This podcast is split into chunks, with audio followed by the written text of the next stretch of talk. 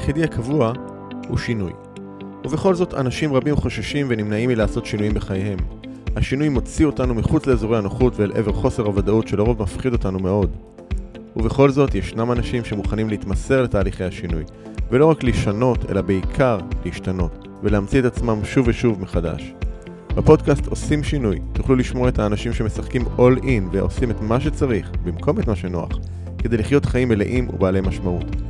בכל שיחה אנו צוללים לעומק התהליכים הפנימיים שהם עוברים, הטריגרים שמפעילים אותם, הפחדים והחששות, ההצלחות, הכישלונות, הפעולות שהם עושים וההתפתחות שהם עוברים. בכל שבוע תוכלו לשמוע את ערן שטרן ברעיונות מרתקים ומעוררי השראה עם אנשים שהפכו את השינוי לדרך חיים.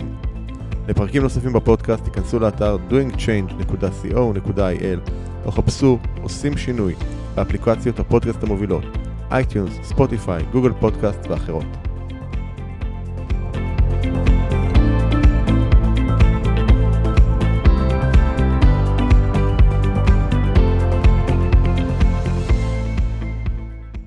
אהלן אהלן, שלום וברוכים הבאים לעוד פרק בפודקאסט עושים שינוי, אני רן שטרן והיום יש לי אורח מאוד מאוד מיוחד שאנחנו גם מצלמים, אה, אגב חשבתי על זה, זה במאורת הגברים שלך. הופה, man cave. כן בדיוק, זה ב man cave של מיכאל מלמדוב, אהלן מיכאל. היי, אהלן. כיף שאני כאן. תודה שבאת ל... תודה ש... תודה שבאת לאולפן שלך. אז מיכאל הוא הבעלים של המלין group, שזו קבוצה של כמה חברות וגם אה, יצרן תוכן בלתי נלאה, נדבר על זה גם קצת אה, היום, אני אנסה ככה קצת לפצח את זה. אה, ומה שנקרא, let's get down into it, שאלה ככה שאני תמיד אוהב לפתוח איתה זה, מי זה מיכאל? נכון להיום. מיכאל הוא הרבה דברים. אני גם לא אוהב נורא לקטלג את עצמי, ואני אוהב להסתכל על מיכאל כמין סוג של אה, ישות עם, עם משקל סגולי מסוים, שמייצרת גרביטציה של כל מיני דברים ותחומים סביבה. עכשיו אז- תגיד את כל זה בעברית. אז אני אגיד את כל הדבר הנפלא הזה בעברית. יש את מיכאל שהיום הוא באמצע, ומסביבו, אה, זה נחמד לדבר על עצמי גוף שלישי, ומסביבו יש כל מיני אה, חברות, ארגונים, דברים, פרויקטים אה, וקידומים שאני עושה מכל מיני סוגים. אז אמרת אמלין group, אז באמלין group יש כמה חברות, עם כמה שותפים נפלאים שיש לי בחלקם, בעולמות של דיגיטל, בעולמות של מכירות, בעולמות של עכשיו גם תוכנה, אנחנו מתחילים לבנות, בעולמות טכנולוגיה, בעולמות של נדל"ן, יש שם כמה חברות, כל חברה למעשה אה, היא ישות בפני עצמה, שאני, מה שנקרא, לוקח בה חלק בצורה כזאת או אחרת. אה, יש לי את הפודקאסט שאני מריץ, שיעורים שלא למדתי בבית ספר, אה, ויש לי עוד הרבה דברים מסביב. כל הדברים האלה בסוף, אני לא מסתכל עליהם כמגדירים אותי. ואני נורא מפריד ביניהם. אני אז איך היית מגדיר את- עצמך? הייתי מגדיר את עצמי כמישהו, שמע, זה יישמע בנאלי וזה יישמע כזה נורא קלישאתי, אבל כמישהו שמנסה אה, להנכיח את זה שיש לו סיבוב חיים אחד, ושהוא נגמר, ושהוא עובר מהר, והוא מנסה להספיק, הוא מנסה לעשות, הוא מנסה להרגיש, והוא מנסה להיות מודע ומאושר בתוך התהליך הזה. זה נורא קלישאתי זה וזה לא- נורא לא- גבוה. לא כולנו רוצים, אה, שואפים למקום הזה שתיארת? אני חושב שכולנו שואפים ברמת האידאה, מעטים כן. מנכיחים את זה. זה בטוח, מעטים זה בטוח. יודעים לבוא ולהגיד, אני עומד למות, אה, וכדאי לי לבוא ולנצל את הזמן שלי כאן. או, אפרופו זה, ותכף נחזור לשאני יודע מה אתה רוצה לשאול, ומעטים מאיתנו באמת אה, מייצרים הסתכלות של, אה, שהיא ב-disattachment. אה, יש אה, ספר אה, שנקרא, אה, ספר של ג'וקו ווילינג, שמדבר על extreme ownership, על לקיחת אחריות קיצונית. ג'וקו היה, הוא היה חייל, הוא היה Navy SEAL, שהיה, עשה כמה deployments בעיראק, הוא היה קצין שם, ובחור כזה שנראה כאילו הוציאו אותו מ- מאיזה מעבדה שמייצרת חיילים אמריקאים, המקררים האלה עם העיניים הכחולות והגלח הזה, שרדר לגמרי.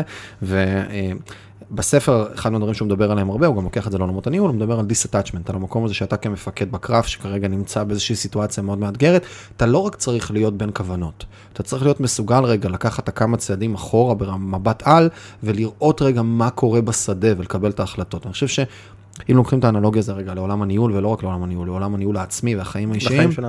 אנחנו מעט מייצרים את ה disattachment הזה ורגע שואלים שאלות. האם אני מאושר? האם טוב לי?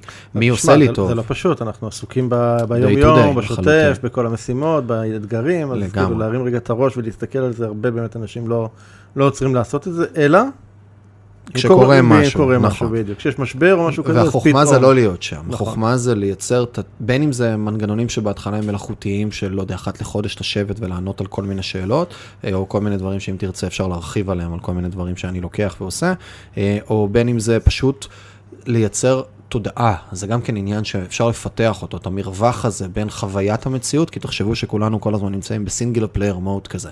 כמו, ה- אנחנו תמיד רואים את הילדים, אה, או לא ילדים, גם מבוגרים שמשחקים משחקי מחשב, אז יש אה, סינגל, ואז יש את ה- את ה-first shooter, שאתה רואה את הכל בגוף ראשון. כן. אנחנו ככה רואים כל הזמן את החיים, והמקום הרבה פעמים הוא לייצר את ה disattachment הזה, לצאת החוצה ולשאול שאלות, האם אני מאושר, האם טוב לי, מי האנשים שעושים לי טוב, מה בשבוע, מ-1 עד 10 כמה הייתי מאושר בשבוע האחרון, ומה יצר לי את האושר הזה, או את האי אושר הזה, מה עובד לי, מה לא עובד לי, עם איזה תחושות אני מסתובב, ולייצר את היכולת הזו, שלמעשה היא יכולת של, של אה, אה, פרספקטיבה חיצונית ויציאה, לייצר את ה disattachment הזה החוצה, כדי לשאול את השאלות האלה. שזה משהו שבאמת לא הרבה אנשים. אז אה, טוב, רק שרגע נהיה ברורים, בסדר? כי אה, יש משהו מאוד אה, מבלבל איתך. לא יודע אם אתה, אתה בטוח מודע לו. מה, הגיל שלי, שאני ילד? או, בדיוק. בסדר. טוב, טוב, כבר מכיר הכל. תאמין לי. היה, עשיתי, יש אה, חשדניסטים, איזה קבוצת פייסבוק כזו, אנטולי, בחור שם, עשה לי איתי איזה לייב, וכשהוא עשה קצת אה, מחקר עליי, והסתכל, והוא חיפש בגוגל, אז הגוגל השלים לו, מיכאל מלמדוב גיל. גדול. שזה הרבה אנשים מחפשים. הנה, את אז בוא רגע נעשה איזה סקופ וניישר אה, את זה פה לטובת אה, המאזינים והצופים. בן כמה אתה? 27 בואכה 28 עוד חודש. בואכה 28. כן. לא, כי כשמדברים איתך, אז יש פה איזשהו, אתה שומע איזה מין חוכמת חיים של בן אדם בן אה, 70 כזה. אתה מודע לזה. אני סתם אה, טוב ברטוריקה, הכל פסאדה. לא, אבל באמת, זה לא משהו שגרתי. אמ, כאילו שוב, ילד בן, ילד כאילו, ממרומי גילי הנושק ל-50, לגמרי ילד. בואכה 50 שאני, אז בואכה 28 זה זה ילד. זה ילד וזה מישהו שגם אני תמיד בגלל זה, אני משתדל, לא תמיד אני מצליח, אבל אני משתדל לשמור על צניעות ולהבין שהפרספקטיבה שלי עוד היא צרה. אה, יש פה כמה דברים. אחד, אה, יש פה אזור שהרבה פעמים מדברים על זה שניסיון, בסדר? הוא, הוא בהכרח משהו שמייצר איזושהי אה, תוצאה מסוימת. ויש הרבה אנשים, זה לא שיש להם 30 שנה ניסיון במשהו, אלא יש להם שנה אחת ניסיון 30 פעם. כן. הפרספקטיבה וההתנסויות שלהם וה, והפתיחת אה, אה, המעגלים שלהם אה, מסביב, שהיידיגר, מעגלי הידיעה, זה אזור C, הדברים שאני לא יודע שאני לא יודע, לא באמת מתפתחים יותר מדי, וגם הרבה פעמים לא נמצאים בשאלת שאלות ובהסתכלות ובבחינה. אז אני יכול או להגיד בכלל בהתפתחות. או בכלל בהתפתחות. ואני חושב שהמשמעות הרבה פעמים, או הסתכלות של, על פרספקטיבה של בן אדם, על חוכמת חיים של בן אדם, היא לא בהכרח, אה, לא בהכרח, כן יש לזה קורלציה מסוימת, אבל היא לא בהכרח כמה דברים הוא, כמה דברים הוא, כמה זמן הוא חווה, אלא כמה דברים הוא חווה. וגם מה המקדם, בסדר? בכל גרף יש מקדם, נכון? כמה הגרף הזה צומח למעלה. כן. אה, והמקדם של הלמידה והמקדם של התהליכים הוא מאוד קריטי, ואני יודע להגיד על עצמי. אני יודע להגיד על עצמי, יש מבחן של גלופ, אה, שאני עכשיו גלה את חוזקותיך, שעשו אותו, לדעתי, מעל 30 מיליון אנשים בכל מיני פוזיציות והמון מהם מנהלים וכולי, והוא נותן 34 חוזקות. עשיתי אותו לפני תקופה ארוכה. החוזקה הראשונה שיצאה לי למדן. וואלה. אני מתהלך בעולם הזה, אה, ב, אה, עם, עם, אני חושב שאולי המיומנות הכי חזקה אצלי היום זה modeling.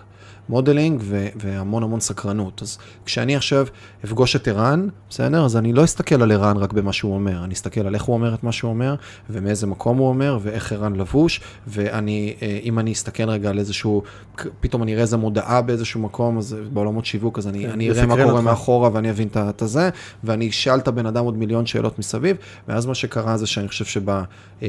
וממש לא הייתי ככה תמיד, כן? זה תהליך שעברתי בצבא. אה, ואני חושב שבשמונה שנים האחרונות אה, אני... הרמת למידה שלי היא פשוט אה, אקספוננציאלית, וזה מאפשר לי קצת פרספקטיבה יותר רחבה. יחד עם זאת, עם המון צניעות, אני יודע שיש עוד הרבה דברים בחיים שאני צריך לחוות ולעבור שאתה עוד כדי לא לבוא לא וזה, כן. וגם, שוב, התמודדות עם מוות אה, של אבא בגיל צעיר, וליווי שלו שלוש שנים במחלת הסרטן.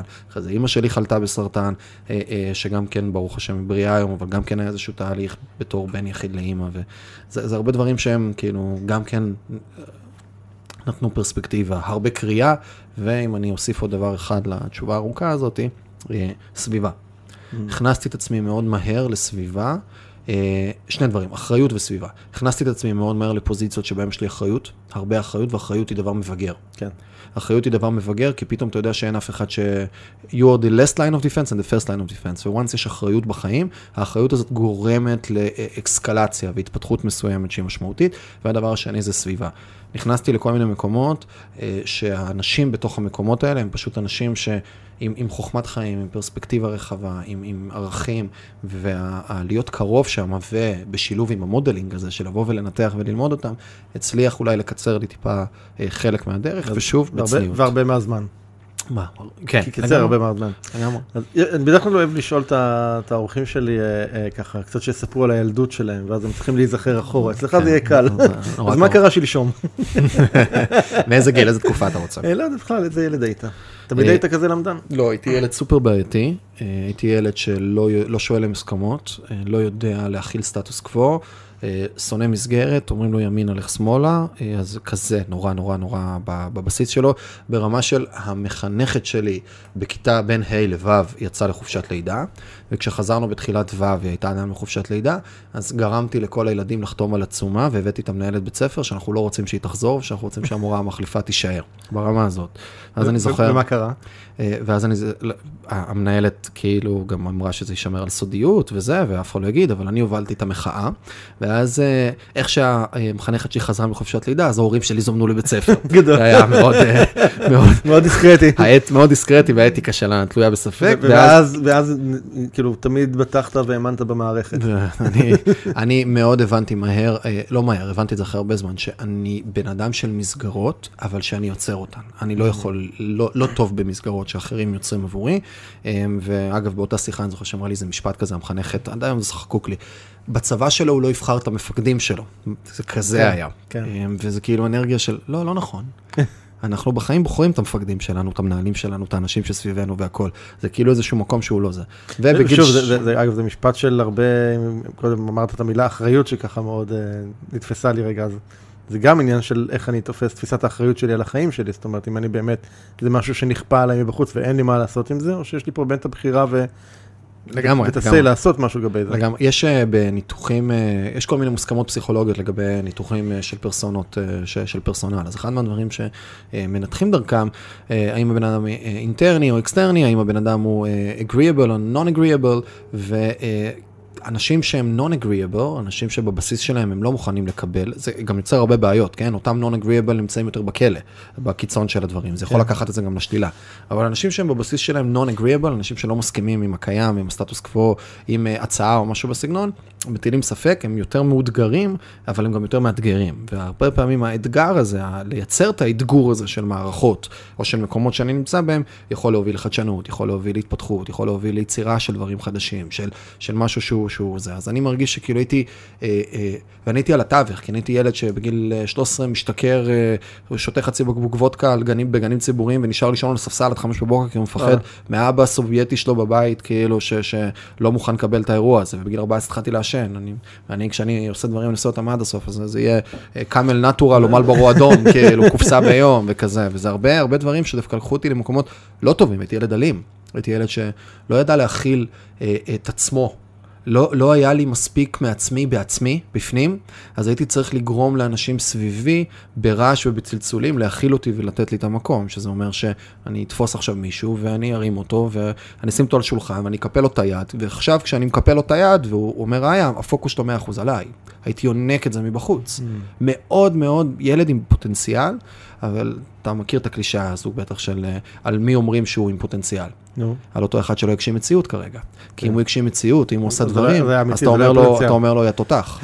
אז אני הייתי ילד עם הפוטנציאל. הייתי ילד האלים, הילד עם הפוטנציאל, הילד שלא מוכן לקבל מסגרות. אז מתי, מתי זה השתנה? אה, בגיל 19 בצבא. אה, בצבא, לא רציתי להתגייס, אה, הורדתי פרופיל. עד רמה שניסיתי להוציא פרופיל רפואי, שוב גם כמה חשובה הסביבה. כן. אה, הסביבה שלי, אנשים שהיו בצבא או מעליי בגיל, אה, הם פשוט אמרו לי, תנסה לא להתגייס, כאילו, זאת הייתה האנרגיה. לא היה לי אפילו פרספקטיבה, עכשיו הייתי, הייתי, עברתי מבחנים של 8200, עברתי מבחנים של שחקים וחבצלות, הייתי, באתי לראיון ואמרתי להם, חבר'ה, לא בא לי לשבת מול מחשב. כאילו, ויתרתי על דברים שיכלו לבנות לי את העתיד, אני אפילו, בתקופה שלי כן היה אינטרנט או משאבים. יכלתי לבוא ולבדוק עכשיו, לא בדקתי כלום. כלום, שום דבר. וקיבלתי קבא גבוהה גבוהה והכל היה טוב. רציתי, ואז בסוף הורדתי ל-45 ועשיתי רישיון לאופנוע ואמרתי, אני אעשה קרוב לבית יומיות, ויתרתי על הכל.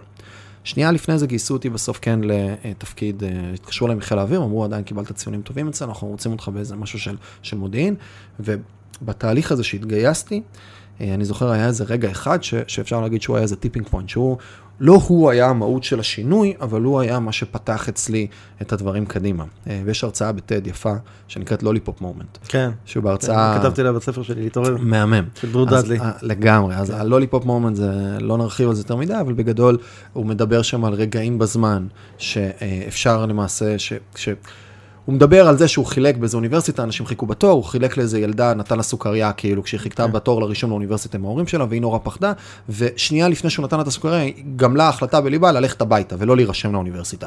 והעצם הסוכריה והארת פנים שהוא נתן לה, היא קיבלה החלטה, טוב, אני נרשמת. וזה היה בדיוק המקום שלסוכריה לא היה שום משמעות נכון. אמיתית, אבל היה לה את כל המשמעות בעולם. היא פגשה את אותו בן אדם אחרי תקופה, ואחרי זה היא פגשה אותו, והיא אמרה לו, הסוכריה הזאת גרמה לי להירשם, פגשתי גם את בעלי, בסדר? את, את חב, בן זוג שלי כן. לאותה תקופה, ועכשיו אנחנו מתחתנים. בעצם הוא נתן את הסוכריה לזה שעמד מאחורי הבתור. ואמר לה, תן לה, כן. ואמר לו, תן לה, ובעצם הם עכשיו מתחתנים. כן, הוא נתן לזה, ותן את הסוכריה אה, לבחורה היפה הזאת שעל ידך, או משהו בסגנון הזה, נתן כן. לה את הסוכריה, וזה כאילו יצר את החיבור ביניהם, וזה גרם לה להישאר. עכשיו, זה אבסורדי איך פעולה כזו קטנה יצרה איזה...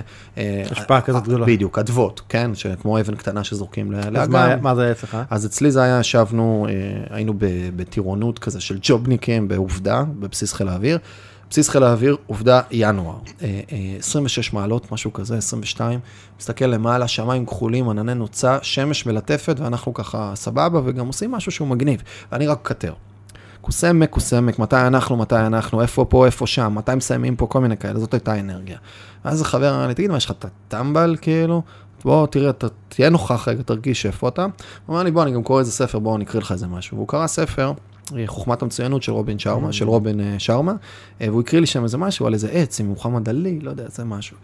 לא עשה עליי משהו, לא עשה עליי רושם, אבל אחרי שבועיים שלושה ראיתי ספר אחר של רובין שארמה, שנקרא, יש את הנזיר שמכר את הפרארי, אז יש לו גם sequel, שנקרא המכתבים הסודיים של הנזיר שמכר את הפרארי okay. אוקיי. שלו, משהו נורא, היה הרבה מאמץ לארגן את הספר, את השם של הספר, אה, והספר הזה התחיל אצלי תהליך. היום אני מסתכל ברטרוספקטיבה, שזה, אתה יודע, personal development 101, וזה כאילו נורא דברים כן, בסיסיים, וקלישאתי, והרבה דברים גם שם לא נכונים, אבל באותה תקופה, זה פתאום נתן לילד בן 19 אופק. הבנה ותובנה של רגע, אני יכול לעבוד על החיים שלי. אני יכול להיות הקפטן של החיים שלי, אני לא חייב להיות רק נשרח, אני לא חייב להיות רק מישהו שקוראים לו דברים, אלא אני יכול ליצור מציאות. והספר הזה פתח אצלי טריגר לעולמות של uh, התפתחות אישית ועולמות של פסיכולוגיה ועולמות של פילוסופיה. Uh, משם עברתי להרבה ספרים של uh, דניאל קיין, דן אריאלי והרבה דברים נוספים בעולמות הכלכלה ההתנהגותית, יעקב בורק והרבה חבר'ה ישראלים טובים, ובמקביל לזה גם המון פילוסופיה. פתאום התחלתי לקרוא ספרי פילוסופיה מחיים שפירא ושוב יעקב בורק ישראלי, ועד כל מיני דברים כבר קצת יותר מאקרו, ארווין יהלום ועוד כל מיני דברים מסביב. ובתהליך הזה היה עוד משהו אחד שעזר לי מאוד לייצר את התהליך של הפיבוטינג הזה, של השינוי. כי באמת השתניתי דרסטית, כאילו, דרסטית, זה ממש. זה היה מיידי או שזה לקח זמן? זה לקח זמן, אבל אחד מהדברים שעשיתי בתהליך הזה, היה אה, באותה תקופה גם לא... לא הייתי מסוגל לרוץ, לא הייתי עושה כלום. הייתי בהמה כזה, ילד שרירי וגדול, אבל הייתי תמיד שמנמן, ובחיים לא רצתי יותר משני קילומטר. ואז חבר בבסיס אמר לי, בוא נעשה איזה ריצה קטנה, ורק הגעתי לבסיס, התחלנו לרוץ, ואני, שבחיים לא רצתי יותר משני קילומטר, אחרי בערך שלושה וקצת קילומטר, אני כבר לא נושם. אני, אתה, אני, אתה מניח שאתה מכיר, או כן. מכירים מישהו, את הסיטואציה שכבר, אני רץ מעבר לכושר שלי, ואז הראש מתחיל להיטלטל כזה, הצוואר כבר לא מחזיק את הראש, ואנשים רותם כזה, אני רק מחכה שיסתיים האירוע הנורא הזה, ואחרי זה שלושה וחצי קילומטר שאני בטוח שהנה אוטוטו אנחנו מסיימים את המסלול הסיבובי הזה, אומר לי, טוב, יאללה, חוזרים. אז הבנתי שאני רק באמצע, והיה פה חתיכת אירוע, סיימתי את הריצה הזאת גמור, הדלקתי סיגריה כמובן מיד אחרי הזה, ואז... כדי שתוכל לנשום בצורה סדירה. כדי שאתה יודע, בכל זאת מגיע לי, ואז בסיום האירוע הזה אני מסתכל, אה, אני מסתכל עליו ואני אומר לו, אחי, נראה לי שאני הולך לעשות מרתון. והתחלתי, וכמות ה... אה, ושוב, ילד טיפש שלא יודע איך דברים עובדים, קיבלתי החלטה לרוץ מרתון, לקחתי מחברת ובניתי לעצמי תוכנית. לא התייעצתי עם אף אחד, לא קראתי שום דבר על זה, שום דבר. התחלתי, בניתי לעצמי תוכנית למרתון, והתחלתי להתאמן אה, ממש דרך התהליך הזה. עכשיו, כשלוקחים הרבה פעמים ורוצים לעשות איזשהו תהליך שינוי, שאני באותה תקופה, אני אומר שוב, ילד בלי כוח רצון, בלי נחישות, ובחיים שלי לא הצלחתי לקחת משהו לילבי ולגרום לו להיות שלם וטוב. עדיין עם הרבה מסוגלות עצמית, אבל שום דבר בקיום הפיזי לא הצלחתי לעשות. ופתאום לקחתי משהו שהוא פיזי נורא, שהוא כמית נורא, שהוא נורא שאני יכול להסתכל עליו ולהגיד, אוקיי, הנה השתפרתי. הנה, רצתי אה, שלושה קילומטר, והיום אני רץ חמישה, okay. ובעוד חודש אני רץ שבעה, והקצב מאוד, מאוד מדיד וברור. מדיד וברור, וגם נורא ברור מה אני צריך לעשות. וזה גם כן משהו, הרבה פעמים כדי לייצר מומנט ולייצר אנרגיה למשהו, אני צריך שתהיה לי את הבהירות לגבי הקצה, לאן אני רוצה להגיע, וגם שתהיה לי בהירות לגבי הדרך, מה השלבים שאני צריך לעשות, ואני צריך שתהיה לי מעטפת סביב הדבר הזה של תחושת מסוגלות של, אוקיי, אני יודע מה היעד, אני יודע מה הדרך, אני לא בטוח שזה יהיה קל, אבל נראה לי שאני יכול לעשות את זה. וסביב הדברים האלה, וכמובן עם למה מספיק חזק והרבה דברים נוספים, נוצרת אינרציה, נוצר מומנטום, נוצר משהו שמתחיל למשוך. וזה התחיל לבנות אותי. דרך הדבר הזה למדתי מה זה להגיד לא. כי פתאום הייתי אומר, אה, חברים אומרים לי, טוב, בוא לאן שהוא, סבבה, אני הולך לרוץ, אני אבוא עוד שעתיים. אה, פתאום הייתי קם בבוקר יותר מוקדם, הייתי צריך להכריח את עצמי, כי לא תמיד היה לי זמן בערב. פתאום הייתי צריך לבוא ולעשות את הדבר הזה, למדוד את עצמי, לבנות את התוכנית, לעשות את הזה, וזה היה איזשהו חלק במקביל להרבה קריאה.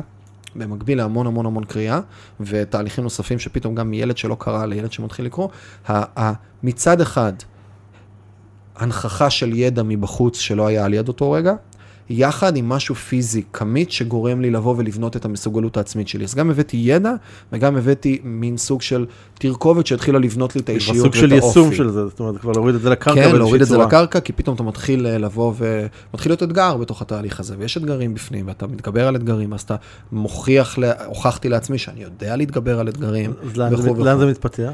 זה מתפתח למרתון, אה, בסוף אחרי איזה שישה או שבעה חודשים עשיתי מרתון, ועשיתי אותו אפילו אה, לא רע, אה, וזה התפתח לזה שהפסקתי לעשן תוך כדי תנועה, כי אמרתי, כי התחילה להיבנות לי, וזה גם כן משהו שאפשר לדבר עליו, התחילה להיבנות לי זהות.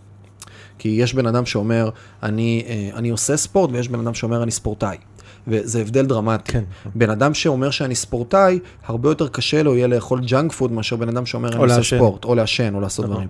והתפתחה לי זהות של אני בן אדם שהולך לעשות דברים גדולים בסיבוב חיים הזה.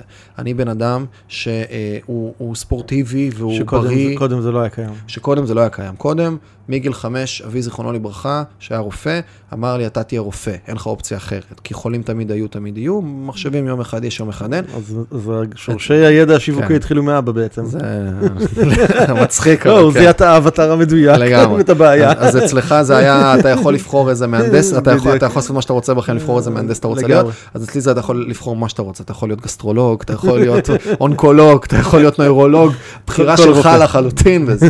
ואגב, אחי הגדול, אה, שהוא רק מצד אבא מנישואים ראשונים, רופא כירורג, גסטרולוג בקנדה, אה, סבי זיכרונו לברכה, הרופא, אחי השני הוא פיזיותרפיסט. אני כאילו, אני גם לא, אגב, עד גיל 22 לא חשבתי שאני יכול לאכזב אותו גם. כאילו, היה פה גם כן. הרבה, זה דור אחר, אבי היה ליד 48, זה כאילו, זה דור אחר, זה דור שבונה מסגרת. לפי המסלול הזה אני הייתי צריך לצאת חייט. כן. סבא שלי חייט, סבא של סבא של, כאילו, חייט, חייט, חייט. אצל אבא, שלי, אגב, הוא לא היה חייט בעיסוקו, אבל הוא, היה זה שתופר בבית. הבנתי. הוא החזיק את מכונת התפירה בבית, לגמרי. אמ, טוב, אז איך משם אתה בעצם מגיע ל, לעולם היזמות? צבא, ואז מה? אז בצבא אה, המשכתי ללמוד המון, ולקרוא המון, ולקבל פרספקטיבה, ואז בצבא גם מתפקיד שהוא די בינוני כזה, של, אה, של קצת מודיעין, ולהיות יותר צינור של העברת מידע, ולא מישהו שבאמת עושה משהו, אה, שהוא כאילו ישים. משכו אותי אחר כך ליחידה מסווגת שהתעסקה בעולמות של מטוסים ללא טייס. עברתי עוד איזה קורס של איזה שבעה חודשים, וגם, אגב, זה גם כן משהו שקורה, כשאנחנו מתחילים לעבוד על עצמנו, ואנחנו מתחילים לעשות דברים בחיים, אז גם נוצרת גרביטציה למול הזדמנויות, ודברים כן. קורים. זה, זה, זה, אתה מתחיל לזה. אני מאוד זה... מאוד מאוד מאמין בזה. אתה צריך להפיל איזה דומינו, ואז פתאום ואז מתחילים, אה, אם, אם לא יודע אם נגיע לזה או לא, אבל עכשיו אני כאילו בתהליכים של הקמת סטארט-אפ, אז בתוך התהליך הזה, איך שהתנעתי את התנועה והתחלתי לעשות דברים, פתאום סתם אנשים מתחילים לשלוח לי הודעות של כאילו, היי, אני רוצה לחבר לך מישהו, וזה פתאום מישהו שהוא מעולמות הפינטק, מעולמות, כאילו, משהו כאילו הזוי, הזוי. אז אפשר, אה, יש פה כל מיני אלמנטים מאחור שאפשר לדבר עליהם, אבל זה גם רק הפתיחה הזאת של ההזדמנויות קורית. אז משכו אותי, עברתי שם תהליך, התחלתי לעשות שירות הרבה יותר משמעותי, והיום אני יודע להסתכל ברטרוספקטיבה סופר משמעותי וסופר זה, ואז קצת לפני שהשתחררתי, אמרתי, טוב, מה אני עושה עם עצמי קדימה? היה לי כל מיני כיוונים, כל מיני דברים, ואחד מהדברים שרציתי לעשות זה לפתוח אה, עסק לליווי משקיעים בנדל"ן, שתכף אולי נחזור לזה, אבל לפני זה חיפשתי איזה עוגן להיאחז בו, כי אני יוצא לוואקום, לאן אני יוצא? וכל החבר'ה שהיו בתפקיד שלי, אה, זה יחידה אחת קטנה, שיש בה בכל רגע נתון עשרה אנשים, שמתוכם שישה קצינים, ויש בין שלושה לארבעה חיילים. אין קליקה בחוץ, זה לא 8200, זה לא 81, זה לא איזה משהו שאתה יוצא ויש לאן ללכת. ורוב החבר'ה שהיו אצלי, מה שהם היו עושים, היו, הלכו נגיד לאלביט, כי יש להם כבר סיווג ביטחוני, והתעסקו ב-QA, או הפכו להיות מדריכים של כל מיני דברים, נגיד אה, לנסוע ל... לא יודע מה, מדינה שאלביט מכרה לה איזושהי מערכת כזו או אחרת, ולבוא ולתפעל או להדריך או כל מיני כאלה. אז זה היה הכיוון אחד. ואני אמרתי לו, אני רוצה לעשות פה משהו יותר, יש פה הזדמנות יותר גדולה, בואו ניצור איזו הזדמנות, איזה משהו בזווית. אז התחלתי לפנות לאנשים ש, אה, שהם רלוונטיים, אזרחים כבר, שמתוך הטייסת הכרתי אותם, והתחלתי לפנות לאנשים, ואז אה, מישהו, כל אחד אמר לי, לא, זה לא רלוונטי אצלי, אבל אולי זה רלוונטי לו, לא, לא, זה לא רלוונטי אצלי, אולי זה רלוונטי לו, ואז זה, זה, זה ככה קפצתי מאחד לאחד, ואני אמרתי, מישהו צריך אותי. כאילו אמרתי, אין מצב שמישהו לא צריך אותי. כי אה, אם אני אתן רגע במילה רק כדי להסביר את זה, יש... כל מיני כלים שונים, בסדר? בין אם זה נגיד עכשיו בעולמות של אה, חבר'ה שהם חיל, חיל רגלים, אז יש נכון, נגיד טיל, תמוז או עורב. אם אני עכשיו אה, טייסת, אז יש לי מטוס מסוג מסוים, F-16I, F-16, F-15I או whatever. אז בדרך כלל מה שקורה, יש את הצד המבצעי, שמתפעל את הכלים, ויש את הצד שהוא לא הצד המבצעי, הצד, בפרויק, הצד הפרויקטלי שמפתח את הדברים. אז בדרך כלל מי שיושב בצד הפרויקטלי זה גם מהנדסים, וגם מאפיינים שהם טייסים, או מפעילים, או לוחמי שלדג, או לוחמי 669, או כל מיני חבר'ה שמגיעים, שהם משתמשים, אז הם נמצאים בצד המאפיין לצורך העניין. ואני הסתכלתי ואמרתי, רגע, את התפקיד שלי אף אחד לא עושה. ומי שיושב ומאפיין בקריה את הדברים, זה חבר'ה שהם או טייסים, או מפעילי מל"טים. ו... הם לא בסוף משתמשים בזה, אני משתמש בזה. אז איך אני לא יושב שם כמאפיין? ועל התזה הזאת התחלתי לדפוק על דלתות, עד שבסוף uh, מישהו שאמר לי, תשמע, אולי יש לי יום בשבוע בשבילך, עשינו שיחה וסגרנו למשרה מלאה, והפכתי להיות יועץ בחיל האוויר. Uh, יצרתי לעצמי שם התפקיד, ובהתחלה הוא היה כזה בסדר. אז רגע, שנייה, שנייה, שנייה. אז כאילו, אתה משתחרר מהצבא, לא לימודים, לא הטיול גדול בחו"ל, לא, לא על הפרק? קניתי תיק וציוד ב-4,000 שקלים. לטיול? התחלתי לתעניין, לטייל, לבנות את הטיול אה, לדרום אמריקה, ואפילו אה, הבת זוג שלי אז אה, אפילו קנתה לי מחברת לכתוב את הזיכרונות עם הקדשה נורא ארוכה, איך הולך להיות לך אז בניתי להציג את התפקיד והכל זז הצידה. זרקת את הטיול? כן, כן. לא מתחרט? לא. קודם כל אני לא מתחרט אחורה. בכלל. כי באותה... כתפיסת חיים. כן, תפיסת חיים, כי אין מה להתחרט. כאילו, אני, העבר אצלי הוא לא, לא כן. מעניין. אני נורא פיוטריסטי, ומה שאני צריך לעבוד עליו, העבר אצלי מנותק, תודה, למדתי, התקדמתי. העתיד אצלי מאוד חזק, אני נורא מונע מעתיד, וההווה אני לא מספיק בתוכו, זה משהו שכן אני יודע להגיד, שאני לא מספיק בתוכו. ולימודים, לא, לא, לא היה לפרק בשום נקודה? באותה תקופה. במיוחד בסיטואציה שבה, אתה יודע, מהבית, כאילו, שאלה, להיות כן, רופא. כי אני, וזה. אם אנחנו נפתח את המחברות שב-2000, שזה לא כזה מזמן, כן, ב-2015, אה, אז אנחנו נראה שכתוב מאחורה, אוקיי, אני לא רוצה ללמוד רפואה, אז מה אני עושה? אבל אני חייב ללמוד רפואה. זו הנחת, הייתה הנחת היסוד, שזה גם כמה, כמה ההסללה הזאת הייתה כן. חזקה אצלי, וכמה אצל הרבה מאיתנו, שמאזינים לזה. גם לא הייתה לי אופציה לא ללמוד הנדסה, זה כאילו, בכלל לא עבר במחשבה. וזה, וזה היה, זה היה פשוט אבסורד כמה הסביבה שלי גם לא פתחה לי את הדברים האלה. ואני היום מסתכל על זה, וזה נראה לי, לא היה בכלל שיח. אז הייתה לי הסללה נוחה, אמרתי, אני לא רוצה ללמוד רפואה. מה מעניין אותי? מעניין אותי עסקים, ומעניין אותי פסיכולוגיה אנושית, מעניין אותי דברים. אז אולי אני אלמד פסיכולוגיה, ואחרי שאני אלמד פסיכולוגיה, אני אעשה, אה, אחרי הפסיכולוגיה, אני אעשה מסלול ארבע שנתי של רפואה בצפת. ואז לפחות בדרך אני אלמד משהו שאני רוצה ללמוד, ואולי כן. אני אלך לכיוונים אחרים, ובסוף גם יהיה לי יותר קל אולי ללכת כן להיות פסיכולוג או משהו בסגנון, שזה יותר מושך אותי, המקום הרך יותר של לעבוד עם אנשים וכולי. זה ממש ממש ממש היה ככה, ויותר מזה עשיתי פסיכומטרי בצבא, שזה אגב חלק גם כן מהתהליך הקמית, שדיברנו עליו מקודם, שבנה לי את ה-self-efficiency, את המסוגלות העצמית, את ההבנה, את היכולת להגדיר לעצמי שאני עושה משהו ואני אשכרה עושה אותו, כמה זה חשוב הסקיל הזה. תמיד כשאנחנו מסתכלים על מיומנויות ועל סקילים, אז אנחנו מסתכלים על... אה, האם אני יודע ספרדית או לא, אה, כמה אני טוב בתקשורת בין אישית, אנחנו הרבה פעמים לא מסתכלים על, על סקילים פנימיים שלנו. על שהם ה... הכי חשובים תכלס. שהם הכי חשובים, כי בסוף כל שאר הדברים אפשר לקחת אותם או לקנות אותם, הבפנוכו שלי לא ישתנה, זה אני אגיע לכל מקום שאני אהיה בתוכו. אז עשיתי פסיכומטרי בלי קורס, ואפילו התחלתי, עשיתי עשיתי חמש יחידות גיאוגרפיה כדי לשפר את הזה, תוך כדי הצבא, כאילו התחלתי ממש ממש בערבים לשבת ולעשות את כל הדברים האלה, שזה גם כן יצר אצלי את הקמיטות הזאת, חיזק לי את הסלף אפישנסי, וגם בנה לי את הקרקע קדימה. ולא הלכתי ללמוד בסוף, לא הלכתי ללמוד, עשיתי פסיכומטרי שהיה טוב? הספיק לי. אה, אני אגיד, אני אגיד תשובה קצת זה, אבי נפטר. אה, אבי נפטר בתהליך Mm. אה, שלי, הוא נפטר במרץ 2016, שזה היה שלושה חודשים אחרי שהשתחררתי. אה, וכשהוא נפטר, אז אה, זיכרונו לברכה, הוא, הוא שחרר איזשהו אזור מסוים במקום הזה. שחרר כאילו מקום של... פתאום- פתאום הרגשת שאתה לא צריך, אני- לא חייב ללמוד רפואה יותר? פתאום, פתאום נפתחה לי האופציה, זה, זה אבסורד, אתה יודע, אני מסתכל על זה וזה, פתאום נפתח, פעם ראשונה ש... כי ש... אתה כבר לא יכול לאכזב אותו. בדיוק, אבל עכשיו אני, אני נפתחה האופציה של רגע, אז אני לא חייב ללמוד רפואה, זה כאילו פתאום נפל לי אסימון. זה אבסורד להבין כמה זה היה אצלי כהנחת יסוד חזקה בתוך החיים שלי, שאני צריך להיות רופא. מדהים. אני צריך להיות רופא, זה לא בחירה.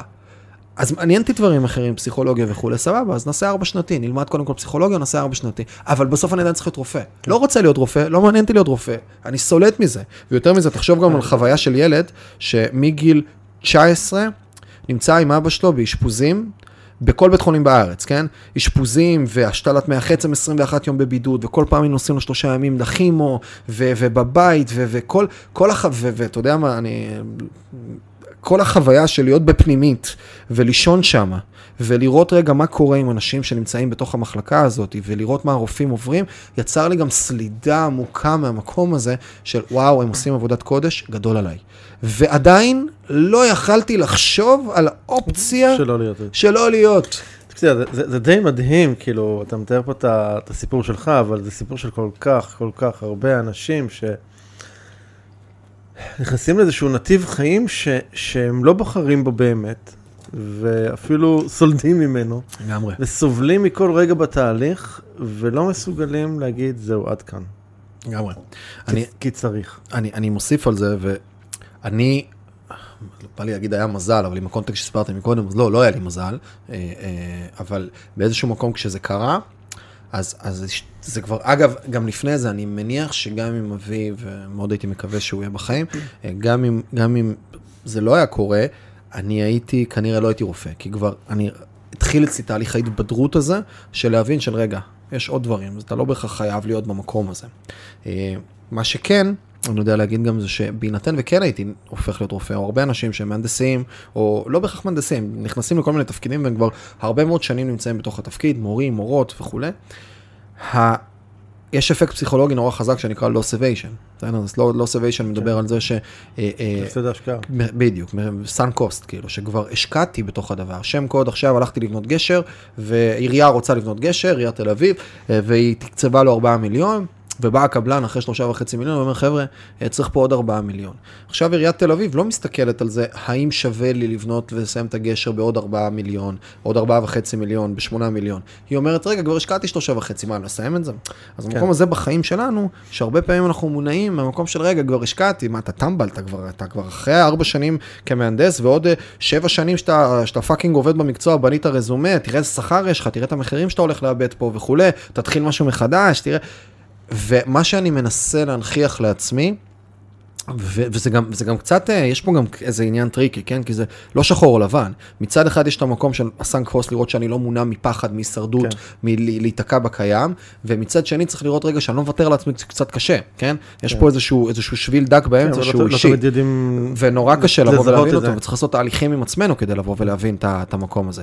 אבל המקום, וברשותך עוד מילה, המקום הזה אבל, וזה רגע אני מנסה להנכיח לעצמי, ואני לא תמיד מצליח, ויכול מישהו לשמוע את זה מבחוץ ולהגיד, אה וואו, איזה זה, אבל זה, זה אני מנסה. זה לשאול את עצמי, האם אני מונע ממקום של הישרדות כרגע, ממקום של צריך ולא ממקום של רוצה? האם אני כרגע אני עושה את מה שאני רוצה כי אני רוצה או כי אני צריך? האם זה מקפצה לדברים הבאים? או האם אני נמצא פשוט במקום שכבר, הסביבה כבר, מה שנקרא, יצרה אצלי מציאות כזו שהתאמתי את השכר דירה, והתאמתי את הרכב, והתאמתי את הטיסות לחו"ל, והתאמתי את ההוצאות שלי מסביב, ואת כל הבילויים, ואת כל הדברים מסביב, ואז אני כבר, מה שנקרא, כמו, אני צריך להתגלגל. רואים את זה נגיד סתם, בעולמות הנדל"ן היום רואים את זה על קרקעות, קבלנים, שבנו מערכת, והם כבר קונים קרקעות במחירים לא הגיוניים, כי הם צריכים לגלגל את המערכת. וזה כאילו כבר משהו ששואב אותנו, איזה אבן שואבת כזאת, וזה משהו שהרבה מאוד מאיתנו חיים בתוכו, בסירקולציה הזאת של המערכת דורשת ממני להיות בתוך הדבר, ואני כבר לא רואה כן. אלטרנטיבה. ולהנכיח את זה, וזה מצחיק שאני אגיד את זה, אבל להנכיח את זה שאנחנו הולכים למות, מאוד יכול לעזור בזה. Mm. אנחנו חיים, סיבוב חיים אחד, מה זה קצר? מה זה קצר? ולחיות בתודעה של טוב, אז אני מושקע כבר בדירה והמשכנתה וזה, וחלילה אני לא מוריד מזה, וגם אני, אם מישהו יראה את העובר ושב שלי, הוא, הוא יבין בכמה אני, לכמה דברים אני מחויב בחיים שלי, בסדר? להרבה מאוד דברים. יחד עם זאת, באחריות ובתהליך נכון, לייצר את השינוי הזה. באחריות ובתהליך נכון, לבוא ולבנות את התוכנית כדי לצאת מתוך הדברים האלה, ובסוף לחיות חיים שאני קם בבוקר למקום שאני רוצה להיות בתוכו, זה אירוע שהוא מאוד מאוד חשוב, כי יש לנו חיים פעם אחת, וזה קלישאתי למות, אבל, אבל וואלה, זאת המציאות. לא, טוב, דיברת פה על מיליון דברים. סליחה, אני מתנצל. לפני הפודקאסט אמרתי לערן ש... זה לא יקרה שוב. לפני הפודקאסט אמרתי לערן שראיין אותי איזה בחור בשם אייל דנינו, סופר חמוד, אה, בחור בן 20 לדעתי, והוא פשוט שאל ארבע שאלות, והתמלא לו פודקאסט של שעה, והוא דיבר מתוך ה-58 דקות, דקה וחצי, וזה היה רק ב introduction, אז אני פה בפודקאסט סולו יכול להיות, בכיף. לגמרי. אמ, טוב, איפה אני אתחיל להתייחס לכל הדברים שאמרת? קודם כל, כאילו, הזכרת לי, דיברת על, על ה sunk cost הזה, שהייתי בתהליך שלי שחשבתי לעזוב את אינטל או לא לעזוב, כאילו הייתי ממש בדילמה של הדבר הזה, כי כבר הייתה לי קריירה מאוד מאוד טובה וכבר הייתי בתפקיד בכיר וכל זה. ואז הכרתי מישהי שהייתה בשבילי ממש השראה. היא הייתה רופאה, היא הייתה עתודאית, זאת אומרת היא, היא בעצם סיימה את התיכון, שבע שנים רפואה, ועשתה עוד ארבע שנים אה, שירות צבאי כרופאה. ואז אחרי 11 שנים שבעצם הקדישה מחייה לדבר הזה שנקרא רפואה, החליטה שהדבר האחרון בערך בחיים שהיא רוצה לעשות זה להיות רופאה. והיא עזבה והלכה לכיוונים אחרים. ואז אני הסתכלתי עליה ואמרתי, וואו, כאילו, 11 שנים, כאילו, היא, היא עכשיו, כי לכאורה הקריבה כדי לעשות את הדבר הזה, ואתה מתבחין על 4 שנים של הנדסה, כאילו, זה היה כזה. ככה בדברים שעלית, ש, שדיברת ככה, רשמתי לי את זה להמשך, אבל, אבל זה, זה, זה, זה נהיה פתאום רלוונטי. Uh, המוות תופס מקום בחיים שלך באיזושהי צורה, ככה נראה. כן, אתה רוצה שנדבר על השומר מסך? מה אתה רוצה שנדבר? בדיוק, אז אני אשאל אותך ככה. תעשה לי שאלה מתרימה. ממנטו מורי, מה זה אומר? אה, ממנטו מורי, אה, זו אמירה, אמרה בלטינית. שהאגדות מספרות, חיפשתי מקור, לא הצלחתי למצוא לו מקור, בסדר? אבל האגדות מספרות שכשהיו חוזרים מהמלחמה, אה, אז מה שהיו עושים זה היו עושים תהלוכה בכיכר העיר או ברחוב המרכזי, והגנרלים שניצחו את המלחמה היו על אותן כרכרות, והם היו מובילים את, ה, את, אותה, אה, את אותה צעדה, את אותה תהלוכה, ומאחוריהם בכרכרות היו מושיבים עבדים שהיו צועקים ממנטו מורי, ממנטו מורי, שבגדול זה סחור שתמות. בסדר? שהמקום הזה של הנכחה של הדבר הזה שנקרא סחור שתמות, יש בו הרבה אלמנטים. אה, יש בו אלמנטים של אחד של צניעות, בסדר? יש בו אלמנטים של צניעות, של אחי, סבבה, ניצחת את הקרב כרגע, את המלחמה, אה, אבל תזכור שיכול להיות שמחר אתה לא תנצח את הקרב, אז תשמור על צניעות מסוימת, ומצד שני, חוץ מהצניעות, גם זה תאריך את הרגע. אל תחשוב שהוא יהיה כאן לעד, אז תעריך אותו מאוד. כן. וגם הממנטו מורי הזה, בהרבה הקשרים נוספים, הוא, הוא מנכיח את עצם סיום החיים. והמקום שלה ובין האדם הוא חיה, אה, שכולנו מכירים את זה, הוא חיה של נוחות. למה? כי אם אני לא יוצא מאזור הנוחות, אם אני לא נכנס לג'ונגל כרגע, אז לא יטרוף אותי, תטרוף אותי איזה חיה מסוימת, והחששות הן יותר, זה אני צריך למצוא לעצמי את האזורים שאני מגודר בהם ונוח לי. כן. וה... החיווט הזה, הביולוגי, שנוצר לנו לאורך המון המון שנים של אבולוציה, בסדר? הוא נוכח בתוך החיים שלנו, ולא רוצה לגרום לנו לצאת מאזור הנוחות. ומתי בן אדם מקבל החלטות? כשאין לו, כשיש לו סקרסיטי, כשיש איזו דחיפות מסוימת שדוחפת אותו לקבל החלטה של הזדמנות שהולכת להיעלם. בסדר? מתי אנחנו מקבלים החלטה? נגיד ואנחנו על איזה משא ומתן על דירה. מתי אנחנו נזוז לקנות את הדירה הזאת? כשנשמע שמישהו, עוד מישהו הביא הצעה, כן. ופתאום אנחנו נכנסים. או שמבטלים מס רכישה, או שהמחיר הולך לעלות. או כל מיני דברים. אז זה הרבה פעמים ככה. מתי אנחנו מקבלים החלטה בחיים שלנו? כשפתאום אנחנו רואים שהזדמנות עומדת להיעלם. כשמשהו דוחק כן, אותנו לקצה, פומו, fear of missing out, וגם המקום של, אתה, אתה, אתה מונע מתוך הדחיפות הזאת, שאתה רואה שמשהו זז ומשהו קורה. אז. ההנכחה של הדבר הזה שנקרא ממנטו מורי בתוך החיים, בסדר? הוא עוזר לבוא ולייצר אה, את הדבר הזה שנקרא אה, דחיפות, גם כשאין באמת דחיפות. כי גם נורא נורא קשה לנו, זה אזורים אחרים במוח שפועלים. כשאני מסתכל על עצמי היום כרגע, כשאני שוכב על הספה ביום שבת, ואני אומר לעצמי, ואני רואה עכשיו סדרה בנטפליקס בשעה חמש בערב, ואני אומר, תשמע, יש מזג אוויר טוב בחוץ, וכבר הרבה זמן שאני רוצה לעשות ספורט, אולי אני אלך לרוץ. הדיון שאני מנהל עם עצמי עכשיו, הוא מאוד מאוד קשה. אבל אם עכשיו אני אצטרך לנהל עם עצמי דיון, מחר נלך לרוץ, נורא קל לי. למה? כי זה אזורים אחרים במוח שמדברים על העתיד. אני העתידי, כן. זה לא אני העכשווי, זה רחוק ממני, זה כמו לדבר על אדם זר. וכשאני מצליח, וזה חיווט נורא עמוק שיש לנו בתוך המוח שלנו, וכשאני עכשיו אה, אה, מצליח להנכיח את הדבר הזה שאני גם ממנטו מורי בחיים שלי, את התודעה, את התפיסה, את הגישה, את ההסתכלות, אז אני קצת יותר לחוץ לי לבוא ולעשות פעולות, קצת יותר דחוף לי לבוא ולקדם. איך זה ביום יום שלך, חוץ מזה שעל שומר המסך שלך, יש טיימר שהולך רץ אחורה וסופר את אה, כן. שניותיך, לאיזה גיל הוא מכוון אגב? 82. 82? למה? כן. כאילו מה... אתה רוצה להיכנס לזה? אבי זכרונו לברכה נפטר בגיל 69, אה, אה, סבא שלי דום לב איזה 67, סבתא שלי אלצהיימר באיזה 72, אני בגנים כאילו, אתה יודע, מדברים על זה שכל שש שנים פחות או יותר נוספת לנו עוד שנה לתוחלת חיים, אז אני אומר, טוב, אז אם היום ה-80, 81, 81, 82, 80 פחות או יותר זה הממוצע, אז יש לי עוד איזה, אני אמור להגיע ל-100 וקצת, מגנים שלי, הוצאתי שורש קצת, עשיתי איזה, עשיתי איזה נרמול לאזור ואמרתי 82. תקשיב, זה לא ליצור את העתיד במקרה הזה קצת? אני, כאילו... אני, הרבה מדברים על זה של האם הפוקוס נמצא וזה לא נראה לי, אני, אני פחות בגישה, כאילו, שוב, זה שלי אישי, כן, ברור. לא זה. אני מאוד יוצר עתיד בזה שאני עושה ויזואליזציה לדברים, ואני שם, אה, ואני שם את היתד גבוה, כן. ואני הולך אליו, באזורים האלה קצת אה, נראה לי שפחות. Okay. אוקיי. כן. אז איך, איך זה באמת... כי זה לא מטרה, זה הבדל. Okay. זה לא. מטרה שהגדרתי לעצמי, אלא זה, זה פרספקטיבה וקו שנותן לי רגע איזשהו משהו להסתכל עליו. אז כשאתה מסתכל על השומר מסך הזה ככה, שהוא רץ אחורה, מה, מה עובר לך בראש? איך זה משפיע על היום-יום שלך? אז קודם כל יש אדישות מסוימת, כי אנחנו מתרגלים לדברים. Mm. בסדר? זה כמו לשים, אה, לא יודע מה, איזה משפט נורא, צ'ק של מיליון שקל על המקרר, אחלה, סבבה?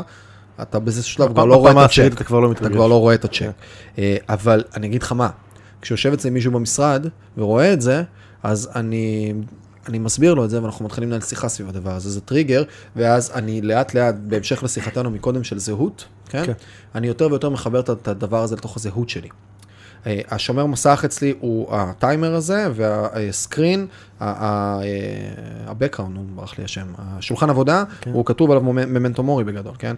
אז יש לי כמה אזורים שכל פעם שואלים אותי רגע מה זה, ואז זה פתאום מנכיח את זה בתוך השיחה, זה הופך להיות משהו שחוזר להיות הרבה אה, בפנים. וגם, וזה משהו שאימנתי את עצמי הרבה, כשאני נמצא למול החלטות, כשאני חושב האם לעשות משהו או לא לעשות משהו, אני הרבה פעמים שואל את עצמי שאלות כמו, אה, מה המחיר של אי עשייה של הדבר. אני שואל את עצמי... כל זה מחיר ההישארות במקום. לגמרי. מה אה, בעוד חמש שנים, כשאני אסתכל על ההחלטה הזאת, מיכאל של עוד חמש שנים שמסתכל על ההחלטה הזו ברטרוספקטיבה, מה הוא ימליץ לעשות בקבלת החלטה הזאת? בסוף סיבוב החיים הזה, האם, האם, האם אני אסתכל ברטרו ואני, ה, כמו המשפטים הקלישאתיים המפורסמים של מרק טוויין, שבעוד 20 שנה אתה תצטער יותר על הדברים שלא עשית מאשר על הדברים כן. שכן עשית, אז האם בסוף החיים או בהסתכלות רחבה אני אסתכל אחורה וזה משהו שיקרה? ואצלי זה התחיל, כל הדבר הזה, בשנות ה-20 כחלק מה, כאילו גם כן בתהליך שינוי שעשיתי וזה, גם התחלתי להתנדב בלתת. הייתי הולך, הייתי מחלק אה, מארזי מזון אחת לשבוע, אחת לשבועיים, אחת לשבוע, אחת לשלושה שבועות, תלוי בתקופות, למשפחות, פחות משפחות, יותר לאנשים מבוגרים עריריים.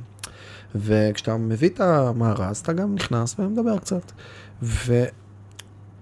חלילה לא שופט, בסדר? זה גם כן משהו שלמדתי ככל שאני יותר מתבגר ושומר על צניעות, ויש סיטואציות חיים מסוימות אה, שקורות, כאילו, שמובילות אותנו לכל מיני אזורים מאוד לא נעימים בחיים. יחד עם זאת, אנשים שהרבה פעמים, סטטיסטית, אנשים שנדרשים בגיל מבוגר לקבל סיוע של לתת, ההסתכלות שלהם על החיים שלהם היא לא בגאווה. כן. והרבה מהשיחות שם היו, שיחות שבהן אני, אני רואה את החרטה של האנשים על הסיבוב חיים שלהם. על דברים שהם לא עשו. על דברים שהם לא עשו, והרבה פעמים גם על דברים שהם כן עשו. אה, אבל אולי לא מהסיבות הנכונות, או מההסתכלות mm-hmm. הנכונה.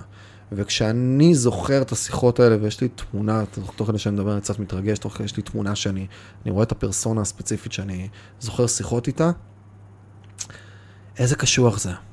וכאילו החלטתי לעצמי שאני לא מתכוון להתחרט על החיים שלי. כאילו זאת החלטה עמוקה, עמוקה, היא לא, זה לא טריק, זה לא כן. שיטה, זה לא טכניקה, זה לא ארבע צעדים ל... זה מקום עמוק של משהו פנימי center פנימי של תודעה והוויה של אני לא מתכוון להתחרט על החיים שלי. אתה יודע, אני... עכשיו, אין לי שומר מסך. שסופר את קיצי לאחור, אבל... אבל אה, אני יכול לגמרי להתחבר מהמקום של אחרי שחליתי בסרטן, אז התודעה הזאת של וואלה, החיים באמת קצרים ולא צפויים ויכולים בשנייה אחת להיגמר לך, אה, אצלי שינתה הרבה מאוד, ואני מאוד מתחבר למקום הזה שאתה מדבר עליו, של כאילו החיים כאן, אז בואו בוא באמת נפיק מהם את, את המקסימום, נטרוף מהם את המקסימום. אה, ואני סתם, אני תוהה כאילו, האם, מה, מה, מה אצלך באמת אה, יצר את ה... הביא למקום הזה של החוויה הזאת, של ההבנה של הסופיות הזאת של החיים, שכאילו זה, זה המוות של אבא שלך אולי, כאילו אז זה... אני חושב שזה הרבה דברים, אני לא חושב שזה, הרבה פעמים אנחנו עושים רומנטיזציה לדברים, ואנחנו אה, גם, שוב, בעולמות שאנחנו הרבה מכירים, אה, בעולם הקורסים, סדנאות, mentoring וכו', אז גם תמיד בונים את המסע גיבור הזה כן. על ה-one moment שגרם להכל, ה tipping point שהזיז את הכל. אז אני חושב שאצלי ההתנעה של התהליך התחילה באותו יום בעובדה, בתהליך של חשיפה רגע לחומר חדש מבחוץ, ואחר כך היה תהליך הדרגתי אה, של קריאה של ספרים. של אה, שיחות עם אנשים, של המוות של אבא, הסרטן של אימא, התהליך שלי עם עצמי, שפתאום אני, אני פוגש בכל מיני פיגורות ודמויות חדשות שמנכיחות את זה. בזה שספר שאני ממליץ לכולם לקרוא, להביט בשמש של ארווין יהלום, שמדבר על, אה, אה, הוא, זה, השם של הספר נגזר מציטוט של, אה, נראה לי קונפוץ... של אפיקורוס לדעתי, שאומר בן האדם אינו יכול להישיר מבט אל שני דברים, לא אל השמש ולא אל מותו שלו. Hmm. אז, אה, והספר מדבר, ארווין יהלום הוא, הוא אה, פסיכיאטר שמטפל דרך פילוסופיה. אז כל הספר מדבר על, על אנשים שהגיעו אליו עם חרדת מוות. חלק אנשים שבאמת עומדים למות, וחלק מהאנשים שסתם מסתובבים עם החרדת מוות הזאת. ואז הוא מדבר על המון אידאות ורעיונות לטיפול דרך פילוסופיה וגישות. אז זה נגיד ספר שנורא הנכיח אצלי את הדבר הזה ואת הפרספקטיבה, ונתן לי גם הרבה הסתכלויות. אה, אני חושב שגישת החוסר משמעות שלי לקיום, אה, והאקזיסטנציאליזם שאני חי אותו, אה, שאפשר רגע להרחיב על זה, זה גם שיחה שלמה, אבל ההסתכלות שלי שאין משמעות לדברים, אה, הובילה... שאין משמעות? שאין משמעות לדברים. הובילה, תסביר, תסביר את זה רגע. הובילה אותי הרבה להסתכלות על הדבר הזה שנקרא מוות ועל המשמעות שלו למול חוסר המשמעות אה, בזה, וגישה סטואית, כאילו סטואיזם עמוק לתוך הדבר הזה. אה, הגישה, יש אסנציאליזם ויש אקסטנציאליזם, בסדר? בעולמות הפילוסופיים יש עוד הרבה גישות, אבל הגישה האסנציאליסטית מדברת ביוון העתיקה, זה מה שהיום מסתכלים עליו, שלכל דבר יש מהות, שקודם בא האסנס ואז בא הפריט. בסדר? שהמהות קודמת לפריט, קודמת לאדם, קודמת לחיה, קודמת לסכין. אה, והגישה, ואז למעשה יש איזשהו ייעוד מסוים, יש איזשהו אריתם מסוים שאנחנו צריכים לשאוף כן. אליו, איזה חזון, איזה משהו טוב יותר, או whatever. ויש את הגישה האקזיסטנציאליסטית, ש... בוא נגיד, ניטשה לא הגדיר את עצמו ככזה, כי זה בהגדרה באה אחריו, אבל ניטשה הוא היה נורא אקזיסטנציאליסט, ולאחריו יש הרבה חבר'ה נוספים כמו סארטר וקירקגור, פילוסוף הדני ועוד הרבה חבר'ה, שבאו וביססו את השיטה, את המתודה הזאת לגישה אחרת, שאומרת, קודם מגיע האקזיסט, אקזיסטנציאליזם, ואחר כך מגיעה המשמעות. שלמעשה אני, בתוך החיים האלה, אין משמעות הוליסטית גדולה יותר. אין משמעות שהיא אה, משמעות של אה, אה, חזון, greater good, יקום שמוביל את עצמו לאנשהו, אלוהות מסוימת שמכווינה לאיזה אזור מסוים, אלא יש דברים, יש קיום. המשמעות הגלובלית, המקרואית, היא לא קיימת, אבל אתה יכול בסיבוב חיים הזה לייצר לעצמך משמעות שהיא משמעות פרטית. שאתה, בין אם אתה מוצא אותה, בסדר? או בין אם אתה יוצר אותה. כן. בכל מקרה אתה יוצר אותה, אבל אתה יכול להרגיש כאילו מצאת אותה בתפיסה הזאת. ואז בגישה הזאת, הענקת משמעות לחיים האישיים שלך, או שלי, או של כולנו, היא דרך מציאת דברים שמספיק חשובים לי. וזה לא משנה בסוף אם יש משמעות או אין משמעות, יש בסוף משנה מה אני מרגיש כרגע בתוך התהליך הזה. נכון. אז אני מרגיש כרגע שיש משמעות, כי בסוף אני יכול להגיד, רגע, אני מסתכל על ערן כרגע, ובגישה המקרואית שלי אין לו שום משמעות. הוא, הוא, הוא גוש ביולוגי, שק ביולוגי שמורכב מאטומים, בסדר? ש, שמורכבים מפרוטונים, ניוטרונים, אלקטרונים, שמסתובבים נורא מהר, הוא בכלל 90 ומשהו אחוז ריק, בסדר? 99 פסיק משהו אחוז ריק, כי הכל פה זה רק איזו תנועה מסוימת. אבל רגע, עם כל החוסר משמעות הזאת שלו, אני מדבר איתו כרגע, והוא עונה לי, והוא גורם לי להרגיש דברים, והוא גורם לי לחוש דברים. אז זה איזושהי סתירה, בסדר? נורא עמוקה בין החוסר משמעות קיומי הגדול מלמעלה, לבין ה... משמעות הכי גדולה בעולם לרגע הזה, לנוכחות ולדברים. אז כשאני מסתכל גם על המקרו הזה, זה גם כן איזשהו משהו ש... מתקשר ומתחבר לי לדבר הזה שנקרא מוות ולדבר הזה שנקרא גם עשיית פעולות. הרבה פעמים אנחנו מפחדים מדברים שיקרו וזה, אבל אם אני רגע מסתכל במקרו ואני אומר, תיקו סמל, מה זה משנה? גם ככה אין משמעות לכלום, זה עוזר לי לקבל החלטות. הפרספקטיבה הזאת של ה-30 אלף רגל מלמעלה, וזה גישה שוב, אפשר להיכנס לזה יותר לעומק, גישה הסטואיסטית, בסדר? סטואיזם, עשיתי, מי שרוצה ממש להתעמק, עשיתי איזה 50 דקות על הדבר הזה בסרטון, אה, בפודקאסט השיעורים שלא מתאים בבית ספר, אפשר לחפש את זה ביוטיוב או בספוטי. 50 ומשהו דקות, מגניב, 50 ומשהו דקות שמדבר סטואיזם הארדקור, כאילו, כאילו. אגב, לא בטוח שכולם צריכים לשמוע את זה. מצד אחד זה... ה disclaimer חשוב. מצד אחד זה מאוד מאוד מאוד מאוד מאוד יכול לתת כלים לאנשים.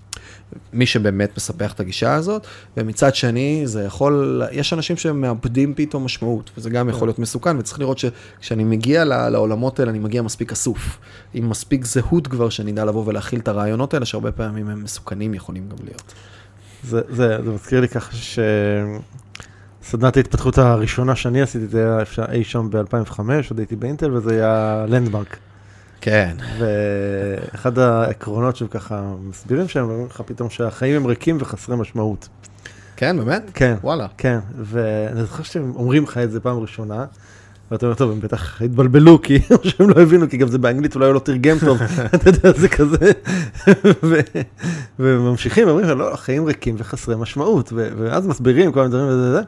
ואז אנחנו אומרים, אה, אנחנו meaning making machines, אנחנו מכונות שיוצרות משמעות, זה מה שאנחנו.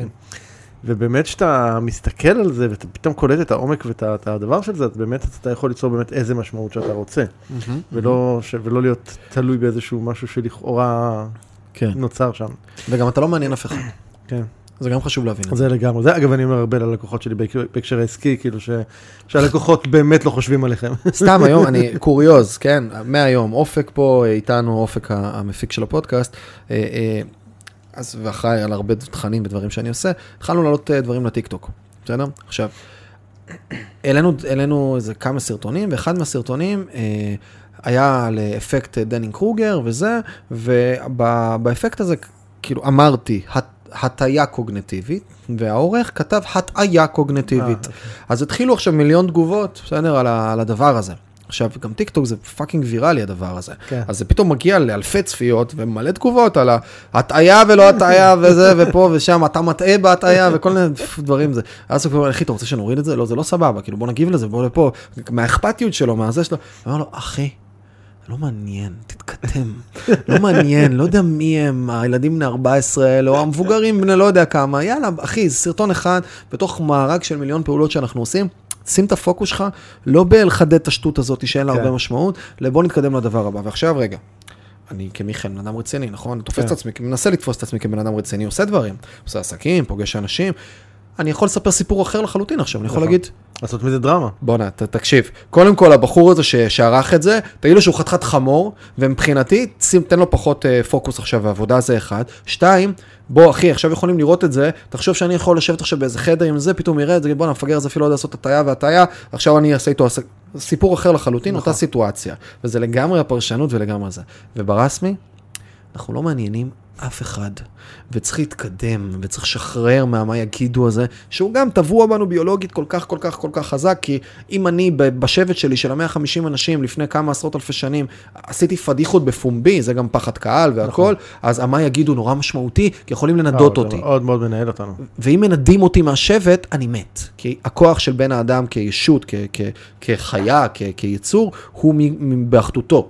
לא מזה, אין לנו תפרים חזקים, אין לנו שום דבר חזק. אנחנו חיה שעובדת בקבוצות, בלהקות, כן. ובגלל זה יש לנו כל כך הרבה חשיבות לסביבה.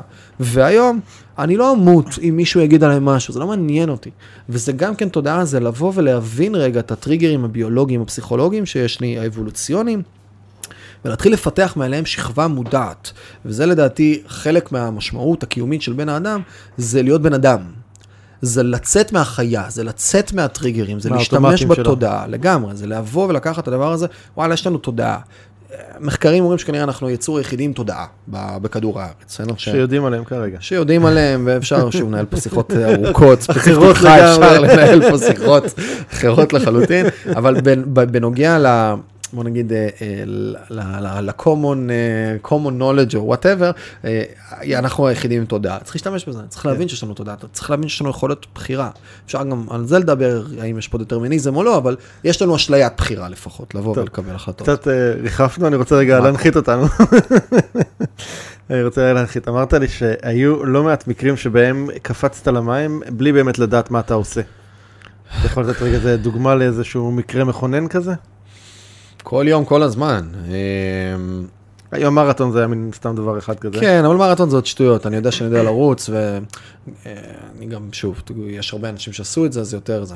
אמ, חיל האוויר, כשיצרתי את התפקיד הזה, ואמרתי לו, כן אחי, הלכתי לתפקיד אגב, בגוף שנקרא לצד, לצד זה להק ציוד, אה, בגוף הזה יושבים, בצד הפרויקטלי, יושבים כל החבר'ה, כולם עתודאים.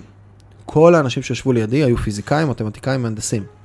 ואני באתי כמישהו שהוא בלי השכלה ובלי שום דבר, ישבתי איתם באותו חדר. קפיצה למים של רגע, אני, יש לי את הסקיל, אין לי את כן. הסקיל וזה. באיזה ליגה אני משחק בכלל? לגמרי, בואו נתקדם, נסתדר. אה, פעם ראשונה שכאילו הצטרפתי בחוויה היזמית הראשונה שלי הייתה שנסעתי לאיזה סמינר בחו"ל, חזרתי לארץ, פניתי לבן אדם שהוביל את הסמינרים האלה ואמרתי לו בוא אני אצטרף אליך לעסק, יש פה משהו שאני אדע לעשות, כאילו אני חושב שאפשר לעשות פה משהו מאיפה, טוב. מאיפה באה הידיעה שאתה תדע לעשות זה מה שעשית קודם? אה, לא, לא, סתם, לא סתם, כאילו, הרבה modeling, הסתכלות מבחוץ והבנה של הפער בין המקום שהוא נמצא לבין אזורים שאפשר להביא אותו על ידי כל מיני מודלים ודברים אבל עדיין לא היה. לך ניסיון בזה לא היה לי ניסיון, בכלל הייתי גם בן 23 לדעתי, אה, וכלום. והבאנו את החברה ההיא שהייתה 700 אלף שקלים שנתי מחזור ל-4.5 מיליון בחצי שנה. דרך כל מיני דברים שעשינו. עשינו פה טירוף עם ה... כן. כן. בארץ עם המותג הזה שאז נקרא טוני רובינס ישראל והפכנו אותו לפעילות אחרת. אז כאילו גם כן הרבה, הרבה שיווק, הרבה דברים, הרבה עניינים. אה, פעם ראשונה שייעצתי לעסק. אה, אמרתי לעצמי, וזה היה מצחיק, ישבתי וכתבתי, אה, ישבתי שעות, אני זוכר, גם על uh, תכני אודיו של כל מיני מנטורים למיניהם, על תכנים של ג'ים רון וזה, והרבה חבר'ה, וישבתי וכתבתי מלא מטרות חיים ומלא הכנות, ועשיתי ממש ממש ממש עבודה עמוקה על המון המון דברים, ותוך כדי שאני עושה את העבודה הזאת, אמרתי, טוב, אולי אני רוצה גם לייעץ לעסקים, בא לי נראה לי גם להיות יועץ עסקי, שוב, אני מדבר על ילד בן 22-3, שעוד לא, לא, לא היה לו עסק, אז איך אתה מייעץ, אבל כאילו בראש שלי כן, זה נראה, באמת ה- נראה לגיטימי, נמשך, זה, זה נראה לגיטימי? ונראה, לי זה היה נראה לגיטימי. והיום? ואני אגיד אבל איך עשיתי את זה, באח... היום זה נראה לי מגוחך, אבל זה גם לא נראה לי מגוחך, כי האופן שבו עשיתי את זה היה בצניעות ובהסתכלות נכונה של, אה, אמרתי שאני רוצה להיות יועץ עסקי, ואז התחלתי לעשות פעולות לגבי הדבר הזה. אחד, התחלתי ללמוד הרבה, התחלתי ללכת לקורסים, וגם אה, התחלתי לתת עצות בחינם לעסקים, אבל לא סתם כזה על הדרך, אלא נגיד מישהי מרצה שהכרתי, נתתי לה, אה, לקחתי ממנה את המייל, ושלחתי לה עשרה טיפים מה לעשות עם העסק שלה, ישבתי על זה איזה 45 דקות, חשבתי, ניתחתי, הסתכלתי וזה. ואז אמרה לי, בוא תלווה אותי עסקית. ככה, Mm. זו הייתה הפעם הראשונה. ואז אמרתי לה, תקשיבי, אני לא יועץ עסקי, אה, ואני, יש פה אחריות מסוימת, אז אני רוצה לעבוד איתך בחינם. שמתי את זה על השולחן, שזה גם כן הרבה פעמים אנחנו לא עושים, שאנחנו מפחדים שיחשפו אותנו כן. וזה. שמתי את זה, אמרתי לה, אני לא יועץ עסקי, אני רוצה להיות יועץ עסקי, אני מוכן לעשות איתך את הסטאז' שלי, בסדר? תביני שאני נמצא בנקודה הזאת, וזה ללא עלות. ואז התחלתי איתה, ואחרי זה פתאום הצטרפו עוד עסקים שכבר התחלתי לקחת עליהם כסף, התחלתי גם לייצר תוצאות. אז זה היה מצחיק, כאילו, שלא היה לי לפני זה את הניסיון העסקי, אבל הבאתי את הלוגיקה שלי לתהליך. כן. וזה דבר נוסף. הקמתי אייג'נסי, סוכנות. אני בחיים שלי לא עשיתי קמפיין, והקמתי אייג'נסי. גייסתי בן אדם, אני הבאתי את הידע מקרו, ניהולי ודברים, והקמתי את זה.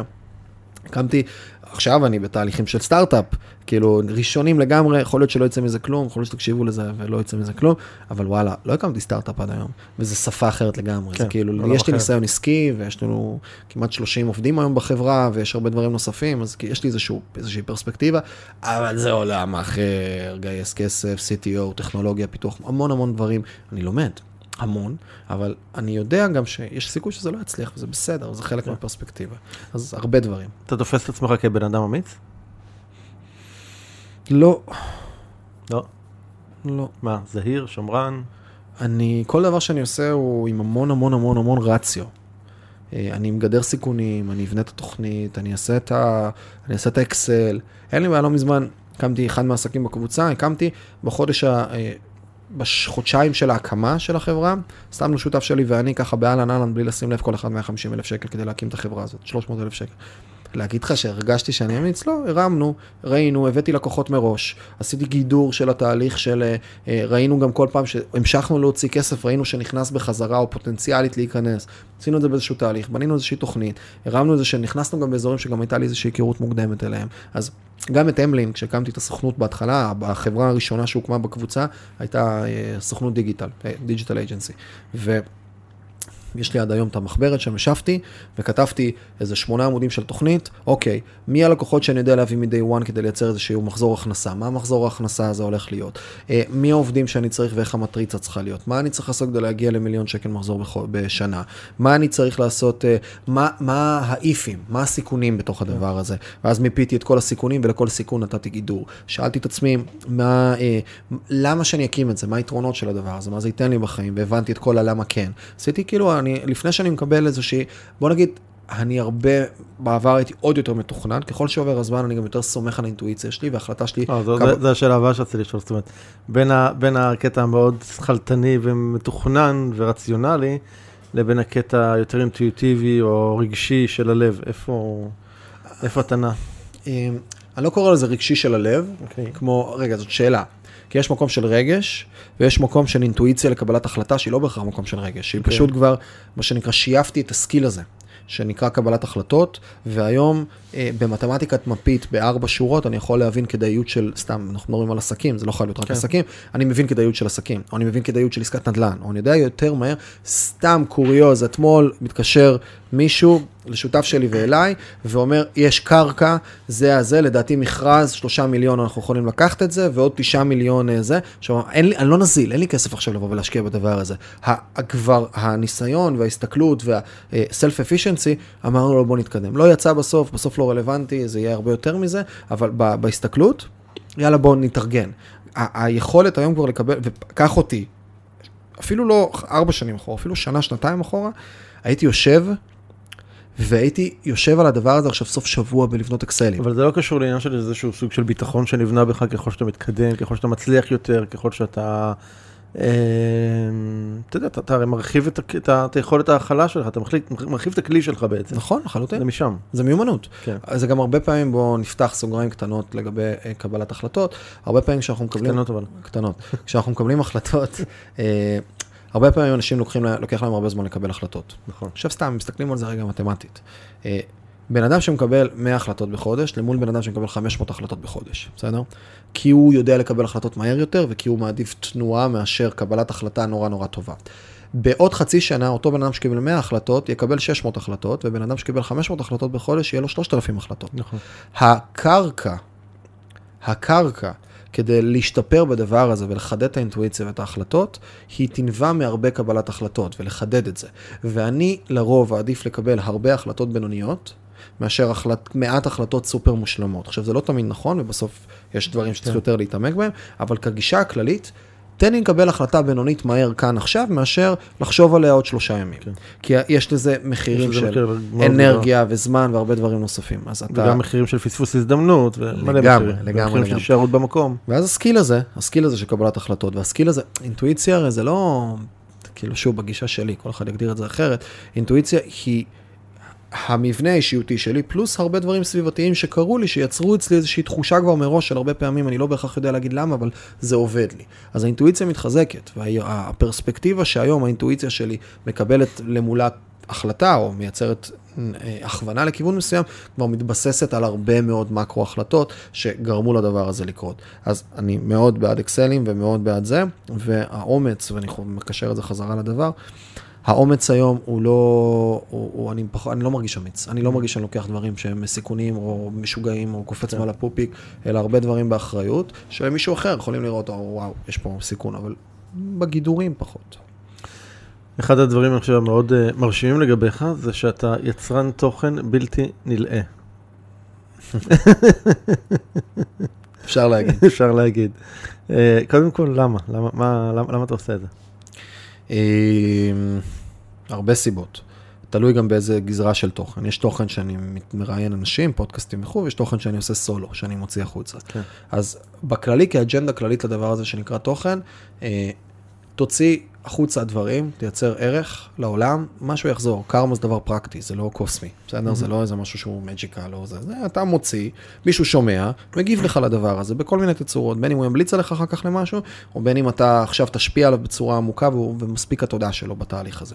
אז במקרו, מקרו, מקרו, האסטרטגיה היא לבנות פרסונל ברנד רחב, שיודע לבוא ודרך הדבר הזה לייצר הזדמנויות עסקיות, יודע לייצר חברויות, יודע לייצר ערך עבור אנשים, כי שוב, אגב, ככה אנחנו התחלנו. נכון, נכון, נכון, נכון, נכון, לגמרי. הזמנת אותי לפודקאסט שלך, אז נכון. נכון, ממש שנים. מזמן, יפה, אז בדיוק.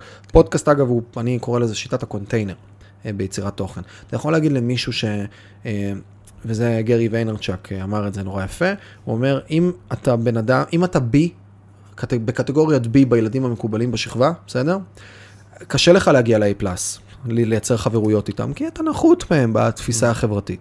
אבל אם יש לך בית ריק, ואתה עושה מסיבה אצלך, כל ה יבואו אליך. בסדר?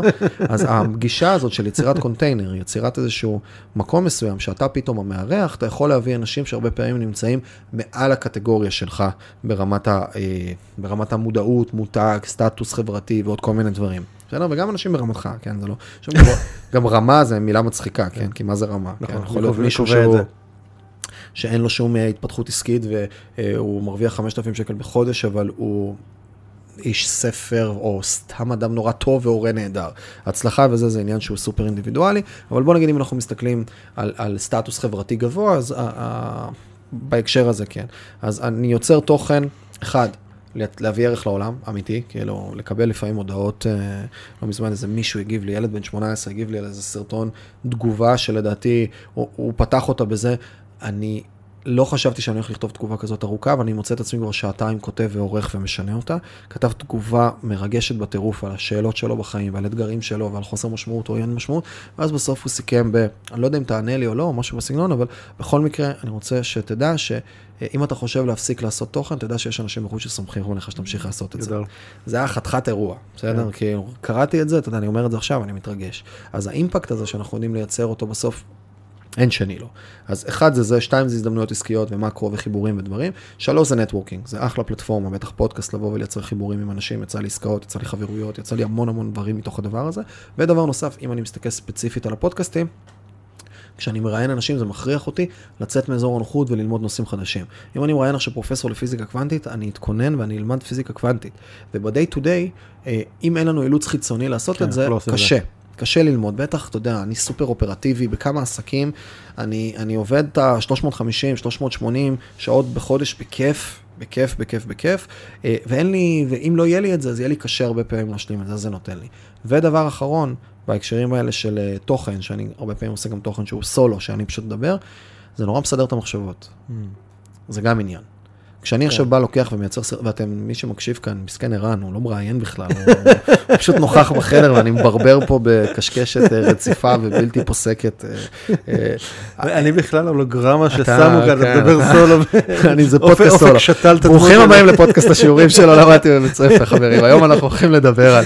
אל- אלה היו שלוש דקות על משהו. שמעולם לא שלוש דקות אצל מיכאל. אז המקום הזה של רגע, אני לוקח subjectים מסוימים ואני מתחיל לדבר עליהם, ואני כרגע זה, אז אני מייצר להם התחלה וסוף, וזה מייצר לי אה, אה, איזושהי קוהרנטיות הרבה פעמים בראש שלי לגבי מסרים, איזשהו sequence לוגי, ואני חושב שגם עוד, עוד שכבה שאני מוסיף על זה, זה גם בונה לי את הזהות. כי אם אני מדבר איתך עכשיו על, אה, על סתם, על ניהול זמן, אז, או על ניהול אנרגיה, או על כל מיני דברים, אחר כך קשה לי לא לעשות את זה בעצמי גם, זה גם בונה לי איזשהו image כלפי חוץ ומכריח אותי לעלות כמה רמות. ויש עוד מלא סיבות ללמה אני עושה את הדבר הזה, גם יש בזה אלמנט אבל של לא כיף, שמעתי, לא. שמעתי... וגם כיף. או, זהו, כאילו רציתי לשאול, כאילו רציתי להגיד שלא שמעתי תלוי, לפעמים לא, שזה... לפעמים לא, כאילו, לפעמים זה לא- shit. לא שמעתי אותך אומר שאתה אוהב את זה, או שאתה נהנה לפעמים זה מזה. שיט, לפעמים זה שיט, לא אוקיי. משקר. מה, לא כל פעם שבא בן אדם פה, לפעמים יש לי ימים כל כך עמוסים, אני אומר, בואנה, אני צריך להיכנס לאיזה פודקאסט, ולפעמים גם יש לך פודקאסטים, לי יש פודקאסטים, שהאנשים שאני מראיין, צריך להבין, אני לא, ולא בלי לזלזל במישהו, כן, חלילה, אין פה איזה משהו כזה, כל אחד עם הבחירות שלו. אני לא פרילנסר, אני לא קונטנט קריאטור, זה כן. לא התפקיד שלי. אני עובד המון שעות ויש לי מלא אחריות ומלא אנשים סביבי. מלא עובדים ומלא דברים. היצירת תוכן הזאת, הבועה הזאת, היא קשה, קשה לשמר אותה, לי במיוחד. בגלל זה יצרתי מלא סביבות, כמו האולפן הזה פה, ואופק, והרבה דברים שמאלצים אותי לעשות את זה. אבל לפעמים, לא יודע, בא לי fucking משה פייגלין, כפרה עליו, לפודקאסט באמצע היום, אני צריך לדבר איתו על פודק... על, על, עכשיו על פוליטיקה, מה לי ולפ... אני לא רואה חדשות, אני לא רואה את העולם הזה בכלל, אני צריך להתכונן, אני צריך להיות בתוך הדבר הזה, ולפעמים אין לך כוח זה לזה. אין לך כוח לזה. לי אין הרבה פעמים כוח לדבר הזה. ו... אבל חלק מהעניין הוא שאני מבין את הערך של זה, הרבה, אחוז גבוה מזה, וזה גם כן חשוב, אחוז גבוה מזה אני אוהב, אחוז גבוה מזה אני גם לא אוהב, והרבה פעמים בא לי להפסיק. אבל אני מבין את הערך של הדבר הזה, ואני עושה גם דברים שלא נוחים לי, וזה בסדר, בסדר? לא תמיד זה נוח ולא תמיד זה הזמן. וגם קיבלתי החלטה מאקו ארוכת טווח על הדבר הזה, אז אני נותן לזה... שמה היא? ש...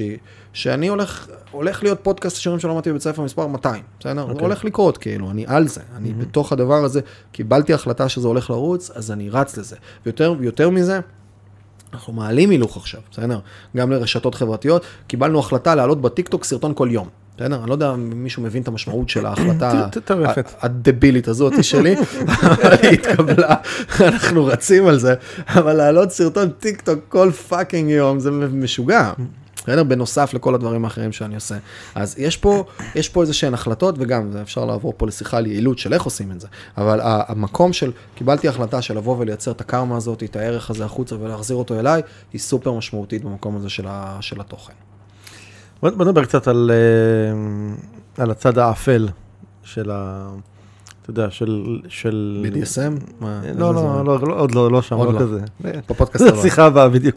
אה, הצד האפל של ה... אתה יודע, של כישלונות, של חרטות, של דברים שלא עובדים כמו שצריך, של, אה, של מחירים, של אתגרים, כאילו, מן הסתם היו גם כאלה. אה, אתה רוצה להכווין אותי למשהו ספציפי? בוא תן לי איזושהי, לא יודע, איזשהו אירוע, מכונן, דקות, אירוע אה. מכונן. תן לי שלוש דקות על. איזשהו אירוע מכונן כזה של באמת התמודדות הכי אולי מורכבת שעברת או חווית. או... אה, דיברנו על זה קצת לפני, שאני לא בן אדם לחוץ היום. כן, כי... לפני שהקלטנו. כן, לחץ הוא לא תוצר של מצב פיזי אה, נתון, הוא תוצר של, של פרספקטיבה ופרשנות לגבי המצב הפיזי הנתון. אני יכול להיות בן אדם שהוא נורא נורא נורא נורא עמוס מבוקר ועד ערב, אבל הוא לא לחוץ. נכון. אני יכול להיות בן אדם שלא עמוס, אבל הוא כן לחוץ. אז כשאתה אומר כישלונות ואתה אומר דברים, אני באמת לא מרגיש שאני נכשל, גם כשאני נכשל.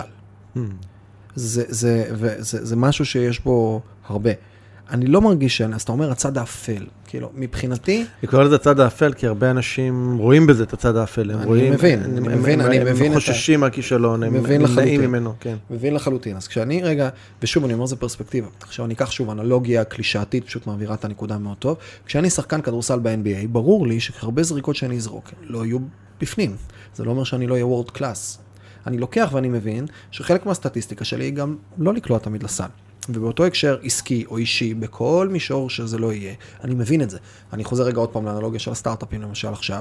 אה, הסבירות שזה יצליח היא תהיה 10% בהינתן וגייסנו כסף, והסבירות שנגייס כסף תהיה בערך 10% אה, שאולי נצליח לגייס כסף. יש פה איזה אחוז אחד אולי שבאמת יצא משהו מתוך כל הדבר הזה. עכשיו, אני יודע עכשיו שכשאני בא לגייס כסף ממשקיעים, אני הולך כנראה לעשות סדר גודל של בין 60 ל-100 פגישות, וגם כדי להביא את הפגישות האלה אני צריך לעשות פגישות מקדימות כן. עם כל מיני קשרים והנטוורק שלי. ואני יודע להגיד שמתוך ה-100 פגישות האלה, אני הולך לקבל סדר גודל של 95% לא. ואני חי עם זה בשלום, כי אני מבין שזה המשחק שאני נכנס אליו, שאני חי בעולם של סטטיסטיקה. אבל אם כן, אתה רוצה שנגיע לאיזשהו מקום שהיה כישלון קצה, כן, שכאילו גרם לי לשאול שאלות קיומיות על למה אני חי, אוקיי. אז, אז זה היה פעם אחת וזה היה סופר אינטנסיבי. אותו עסק ראשון, שוב, בן 23, נותן פרספקטיבה של זמן, אותו עסק ראשון שהצטרפתי אליו, טוני רובינס ישראל, אה, התחלנו לעשות את המהלך הזה של לעשות, אה, להוציא משלחת גדולה. המשלחות היו בדרך כלל 60-70 אנשים, וכשאני נסעתי לסמינר אז היינו 70 אנשים, ושנה לאחר מכן הגענו למצב שסיימנו את השנה ב-484 אנשים, שני מטוסי אל על. ואתה כאילו, לא היו אל על, אבל היו שני מטוסים British או whatever, ואנחנו כאילו שני מטוסים. ואתה מסיים את ה... אנחנו, אני זוכר, אני לא אשכח את זה, אנחנו יושבים במשרדים, אה, לילה לפני הטיסה. אני כבר כאילו, בחמש בבוקר הטיסה, אני צריך להיות בשדה בשתיים, כבר קצת לפגוש אנשים ודברים ועניינים. אני יושב בתשע בערב במשרד.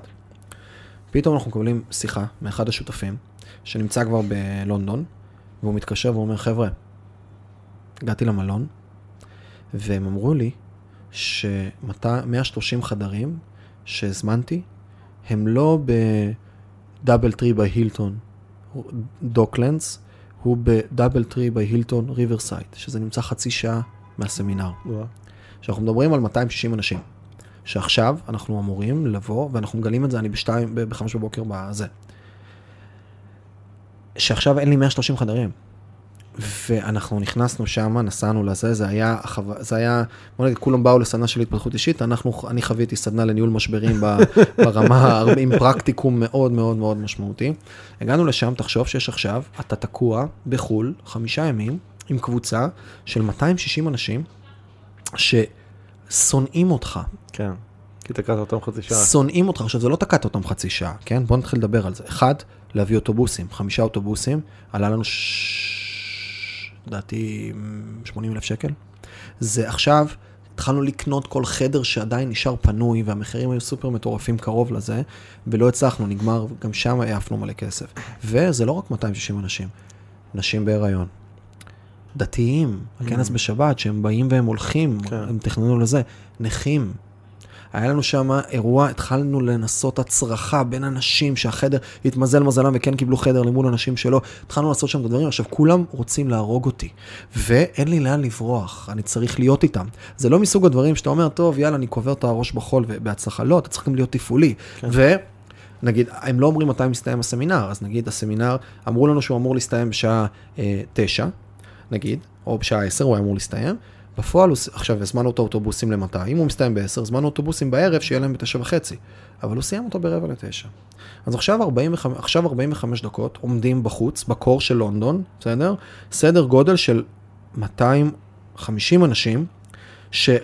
זה היה, היה, היה זה גם אירוע באירוע הזה ספציפית, פתאום נעמדו סביבי איזה 20 אנשים, אני הרגשתי שיש לי עושים בלינץ', ו- וואלה. ואני לא צוחק, כאילו, ממש, כן. ברמה הזאת. שונאים אותך כרגע, שונאים אותך, ולמחרת בבוקר אתה גוזל להם שעות שינה, כי הם צריכים לקום יותר מוקדם לאוטובוסים. כל התהליך הזה, והיה שם, ופתאום אה, עורך דין שמתחיל לארגן קבוצה, Mm. ומתחיל להסתובב ליד הדוכן, ומתחיל להקליט את כל מה שאנחנו אומרים, וכבר רחשים לתביעות ועניינים. אתה- כי עכשיו, שוב, אני מזכיר, אני בן 23. חתיכת לחץ. אני לא סולו בתוך התהליך הזה, היה לי כמה שותפים. וגם, מה הטעות? הייתה טעות ברישום פשוט של, ה, של החברת תעופה, שאגב, לא לקחה אחריות בשום דבר. אנחנו לא עשינו כסף על המלונות והטיסות, צריך להבין את זה. אתה גם, אתה גם בסיפור של, את הלקוח זה לא מעניין, מבחינתו הוא קנה כרטיס. ממני. אבל בפרקטיקה, אנחנו נתנו לו שירות. אני אפילו לא גביתי עמלה מהחברת תיירות, אני רק נתתי לו שירות. והם התנערו ב-100% מתוך הסיטואציה הזאת, היא לא עניין אותם בכלל, ואנחנו אכלנו פה את כל הלקרדה בתוך התהליך הזה, ושוב, גם יותר מזה, אני הייתי הפנים של האירוע הזה, למה? עשינו כנס המראה, עשינו כנס נטוורקינג לפני, אני שלחתי להם סרטוני הכנה לסל הזה, אני הפנים של הדבר הזה, וגם כולם באים לכנס של התפתחות אישית, ופתאום כזאת פדיחה בתוך התהליך, זה היה... והצלחנו תוך כדי, לקחנו אחריות על הכל, הזמנו אותו אוטובוסים, קנינו עוד חדרים, אה, הבאנו להם אוכל אקסטרה בתוך התהליך, אני זוכר היה איזה יום, הלכתי שם לסופר, פשוט קיבלתי החלטה, אני ואחד השותפים, הלכנו לסופר בבריטניה, אה, יש כזה, יש להם תרבות כזה של מלא מלא סנדוויצ'ים ופירות ודברים שנמצא כזה באריזות כן. שבאים איזה, הלכנו, קנינו באיזה, לדעתי באיזה אלף ומשהו לישט, כאילו, חזרנו עם איזה 50 שקיות של פירות וזה, קראנו להם לדוכנים. עשינו באמת, הם ראו גם, בלילה הראשון הלכתי לישון ב-4 בבוקר או 5 בבוקר, לא היה חדר, כאילו, אני שהייתי ישנתי, כאילו, זה כבר היה, לא היה לנו חדרים. קיצר, היה שם פיאסקו וטיול אה, נורא נורא נורא נורא גדול, שבאותו רגע הוא היה אך ורק לקחת אחריות על הסיטואציה, ולראות איך משפרים את התהליך. אחרי זה היה שם, היה מלא משמעויות לדבר הזה קדימה, במלא מישורים ובמלא דברים, וזה היה חתיכת למידה של, אה, של דידקטיות והכל, אבל זה גם היה, אני מאוד שמח שזה קרה בגיל צעיר, כי, כי אחד מהדברים שלמדתי, מה למדת מזה באמת? למדתי מזה המון, לא ניכנס להכל, כי אפשר... לא, אבל נגיד תן לי את אה, האחד, הד- שניים הכי הדבר העיקרי שלמדתי מזה, זה ש... שיט happens, וזה בסדר, והוא ייגמר. הוא ייגמר. גם אם כרגע נראה לך, ותחשוב, זה חמישה ימים אינטנסיביים. הסבל הוא סופי. הסבל הוא סופי לחלוטין. יש אה, משפט מעולמות הבודהיזם והמדיטציות וויפאסנה, שנקרא אה, הניטשה. לא משפט, זה מילה. הניטשה. אז כשעושים אה, ויפאסנה, כשעושים מדיטציית ויפאסנה של no mind, שפשוט נמצאים בתהליך של רק אה, להתחבר לנשימה או לנוכחות, אז כל פעם כשמגרד או קשה, כי זה יכול להיות, יכול להיות גם מדיטציה ארוכה, אז אומרים, אה, כאילו, המילה החזרתית שצריך להגיד בראש היא הניטשה, הכל חולף, כן. הכל חולף. אגב, זה היה אחד. המשפטים שכשחליתי כל הזמן רצו לי בראש. מהמם, הסבל הוא סופי. זה לא, זה לא לנצח, לא, לנצח. לגמרי. Um, תגיד, יש מישהו שעוזר לך בתהליכי השינוי? אתה נעזר באחרים בתהליכים שאתה עובר?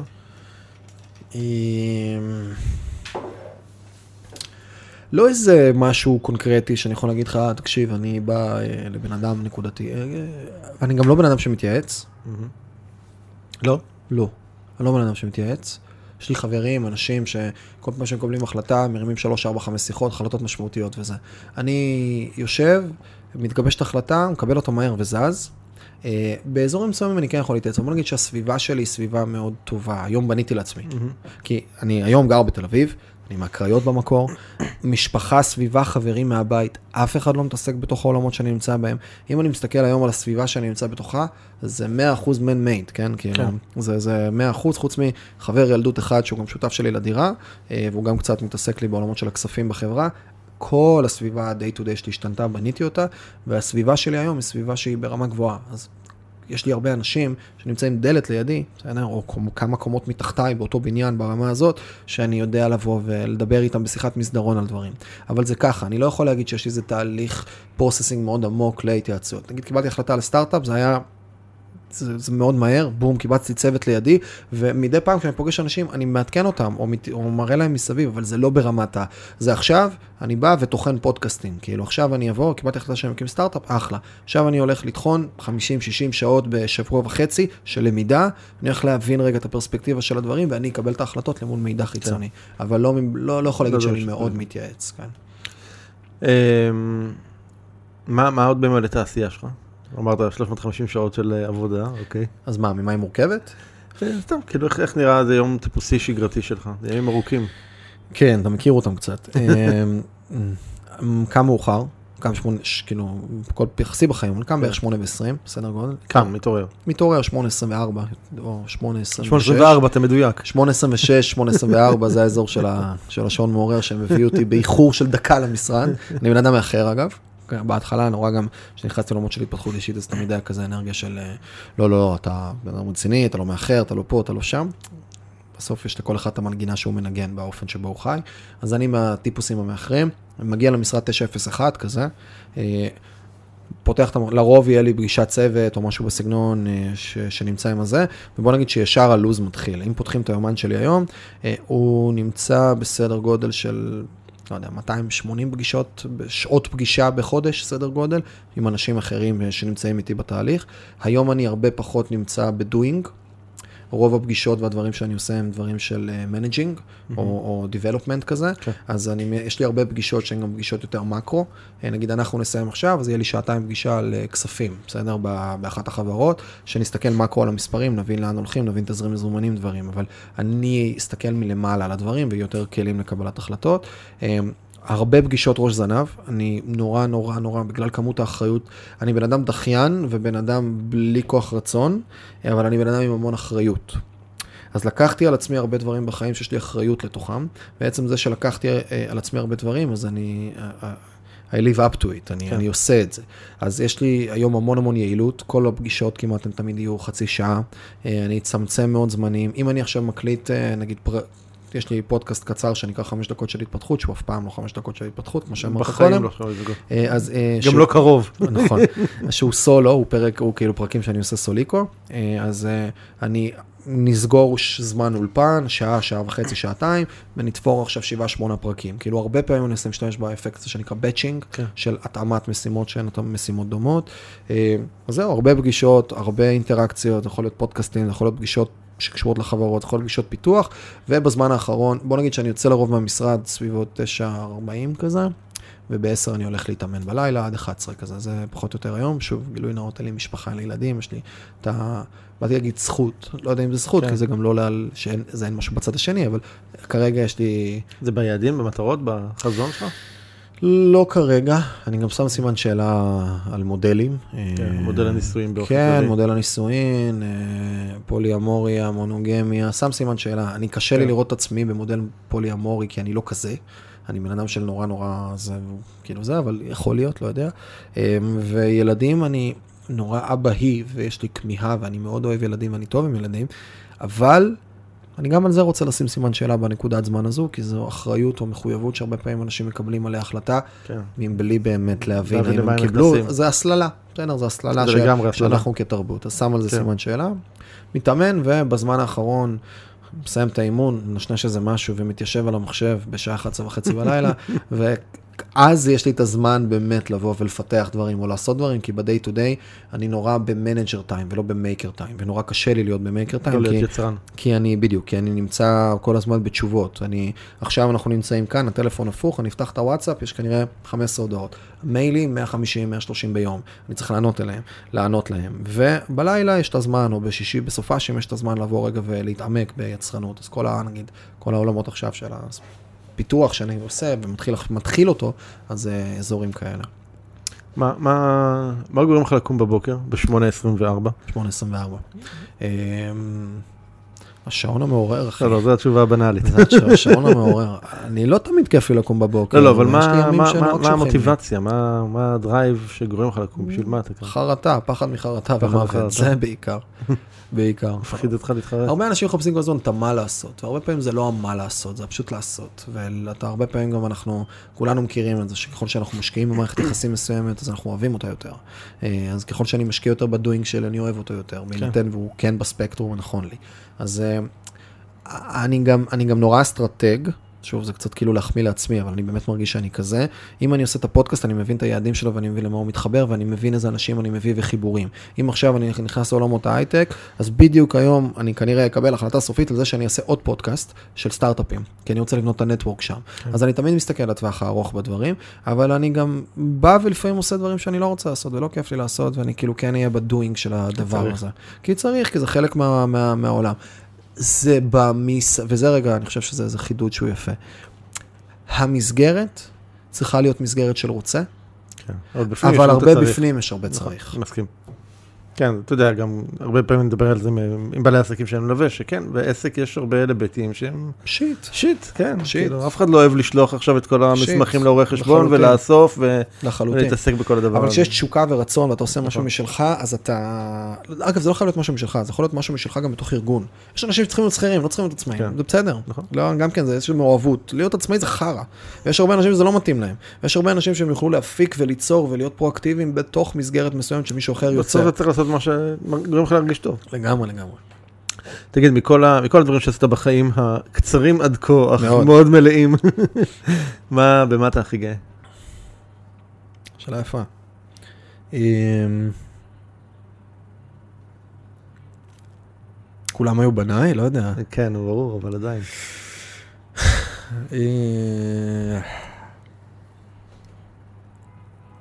אני מניח שהאזור הזה של בנייה של הקבוצה, של ה... בוא נגיד, אני, אני הכי, אני גאה בשותפויות שלי, נגיד את זה ככה, במערכות יחסים, מערכות יחסים. כן. יפה. זה, אני חושב שהיכולת שלי, אה, משהו שמאוד עבדתי עליו, כי אגב, הייתי הכי גרוע מזה, הייתי הפוך מזה לגמרי בילדות, ונורא נורא נורא לימדתי את עצמי, ואני חושב שהיום אני גאה במערכות היחסים שיצרתי, ואני ממשיך ליצור לעצמי, כן. אה, לגמרי יכול לראות את זה אצלך. לגמרי. תגיד, מי, יש איזשהו אדם או מישהו שהכי השפיע על החיים שלך? שוב, כולם היו בניי, יש הרבה אנשים שהשפיעו עליי, ואני יכול להגיד אדם אחד שהשפיע עליי בצורה משמעותית, שאתה גם מכיר אותו, אבי קאופמן. אה, אבי קאופמן אה, הוא שותף שלי באחד העסקים עד היום, והוא חבר מאוד טוב, והכרתי אותו אה, דרך כל העולמות האלה הראשונים של המכללות והקורסים וכולי, והוא נתן לי הזדמנות, באתי אליו בגיל 22 או 3, במקביל לפעילות שאז הקמנו את הזה, ואמרתי לו, יש לך באקדמיה לפיננסים הרבה חטיבות, אה, הוא מנכ"ל וייסד את האקדמיה לפיננסים של BDO, והקים עוד עסקים, והוא יזם ואיש באמת באמת באמת מיוחד. אמרתי לו, יש לך הרבה חטיבות באקדמיה, אה, אין לך חטיבה עסקית, בוא נקים קורסים עסקיים. תן לי, נכנס איתך שותף 50-50, זה לא שותף equity, זה לא שותף בעלות, אבל זה שותף כאילו ברווחים עם הזה. אה, והוא אמר לי, יאללה בוא. שזה נורא לא טריוויאלי Mm-hmm. לבוא ולתת הזדמנות כזאת לילד בגיל 23, ואחרי זה למדתי ממנו המון על מערכות יחסים, על ניהול, על uh, עסקים, על שותפויות, על להיות בן אדם, כן, קודם אה, כל. והרבה דברים נוספים, אה, והרבה, אני חוזר למודלינג הזה מקודם שדיברתי עליו, אני מידלתי אותו בטירוף, הוא אחד מאנשי המשא ומתן והתקשורת הבין-אישית הכי טובים שיצא לי לפגוש בחיי, אולי הטוב ביותר, אני חושב שאני יכול להגיד את זה, מהאנשים שיצא לי לפגוש פיזית, ופשוט הזכות לשבת איתו בפגישות שבהן עשינו משא ומתן, בחנו שותפויות, אה, קיבלנו החלטות על עובדים, עשינו החלטות עסקיות, ולראות את האופן התנהלות שלו ולמדל את זה. כל פעם כשהוא אומר משפט, הייתי אומר, למה הוא אמר את זה, מה המשמעות של זה, הנה, אני פוגש את זה Mm. פה עכשיו. כל פעם שהוא היה מתווה, פותח שיחה, הייתי רואה איך הוא פותח שיחה. איך אחרי הפגישה הוא אומר, רגע, מי עכשיו יוציא את המייל, ואיך יעשו, ומה פה ומה שם. מתי הוא ביקש מאחד מהצוות לסכם, ומתי הוא ביקש מה... ומתי הוא לא ביקש לבקש מהצוות, כי עכשיו היה נכון שהצד השני יקדם ולא אנחנו ברמת האנרגיה. כל הדברים מלא מלא מלא מלא. דברים קטנים. אין סוף ניואנסים, וכמו שאי אפשר לרכב, ללמוד לרכב על אופניים בספר, אז גם אה, לבנות מערכות יחסים, משא ומתן ו- ועסקים, אי אפשר ללמוד בספר, אפשר לחזק, אבל צריך את הפרקטיקה, ודרכו חוויתי המון המון פרקטיקה, ואני יודע להגיד שהרבה מה... מה באתי להגיד איש עסקים שאני, אני לא מרגיש שאני עדיין איש עסקים, אני גם לא מרגיש שאני יזם, זה מילים גדולות לי. אבל הרבה מה, מהביזנס אופרטור, ואם זו המילה הזאת, אני, מהמתפעל העסקי שאני היום, נקרא לזה ככה, אה, זה הרבה מאוד בזכותו. אז אה, כזה. אם הייתי יכול לארגן לך שלט חוצות ענק. היי, אה, שאלה שאני גם שואל, כן, שתים פרס. שתים פרס, נכון. אה. במרכז העולם, שכל אחד בעולם יכול לראות אותה. מה היית כותב עליה? ממנטו מורי. מומנטום מורי. או דיסטו של פס, שזה גם רגע, אה, מה זה אומר? אה, אתה רוצה את הסיפור או אתה רוצה את הקצר? מה אתה רוצה? אני נותן לך את הבחירה. בכל זאת, אתה תשמע, המומחה. אני אגיד לך ככה, אנחנו במערה שלך, לך יש פגישות אחר כך, אני יחסית פנוי, אז תבחר. תאמין לי, כולם צריכים ללמוד מהרן. אה, יש סיפור גם קצת קלישאתי שמדבר על זה ששלמה המלך לא מצא נחת. אה, והוא שמע על טבעת שאם עונדים אותה, אז היא מאפשרת לדברים הטובים להיות מועצמים ולדברים הפחות טובים לחלוף מהר ובקלות יתרה. והוא שמע על אותה טבעת והוא לקח את העוזרים שלו ושלח אותם לחפש את אותה טבעת והוא נתן דדליין למתי הם צריכים לבוא ולהגיע עם הטבעת. כולם הלכו ישר לצורפים הכי הכי, לרוכלים הכי הכי, הגיעו, פנו למלכים אחרים, לאנשים אחרים, ואף אחד לא הצליח למצוא את אותה טבעת מדוברת. ואז ממש ככה בסמוך לדדליין, אחד מעוזריו הגיע לשוק פשוט של אנשים פשוטים, והגיע לרוכל פשוט, שכל ה, אה, אה, כל הדברים שהיו לו זה רק טבעות ותכשיטים של, שהם מעץ או מברזל. והוא שאל את אותו רוכל, הוא אמר, יאללה, בואו נעשה פה לונג שוט, מה כבר יכול להיות? שאל אותו אם הוא מכיר, משהו כזה. והוא אמר לו, כן. והוא הוציא טבעת עץ פשוטה והוא חרט עליה דיסטו של פס. והמוסר השכל של הדבר הזה זה שגם זה יחלוף, אותו ניטשה, בסדר, הכל חולף. שגם כשאני עונד את אותה טבעת תודעתית, כן, לא טבעת פיזית, אז גם כשיש דברים טובים, אני צריך לזכור שגם זה יחלוף, בסדר? וגם כשיש דברים רעים, אני צריך לזכור שגם זה יחלוף. ואת הדברים הטובים להוקיר ולהיות נוכח יותר ולחוות, ואת הדברים הרעים לדעת שאוקיי, זה חלק מסוים מתוך התהליך הזה, וגם זה יחלוף. להכל יש סופיות מסוימת, ובתוך התהליך הזה. אז הייתי כותב דיסטו של פס בלי כל האקספוזיציה הזאת, אבל, אה, אבל זה בגדול. אלה היו שלוש דקות שלא נמשכו שלוש דקות על. יפה מאוד. תגיד, מה, מה, התחלנו ככה, המוות תפס פה קצת אה, מקום בשיחה שלנו. מה, מה היית רוצה שיכתבו על המצבה שלך? אמ, אה, שוב, יש פה שתי תשובות. תשובה אחת זה שאמרתי שנראה לי שאני רוצה של המצבה שלי.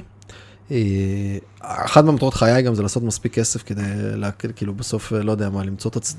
איכשהו לחיות לנצח בצורה כזאת או אוקיי. אחרת, לא יודע אם נגיע ב... ב- תצטרך לתקן את ה- לתקן את השומר מסך שם. כי אני, הוא, הוא פרספקטיבה, אני מאוד מקווה שזה לא יקרה. אה, כי מתים נהיה אינסוף, אם אנחנו נצליח להאריך את החיים, אז נפלא.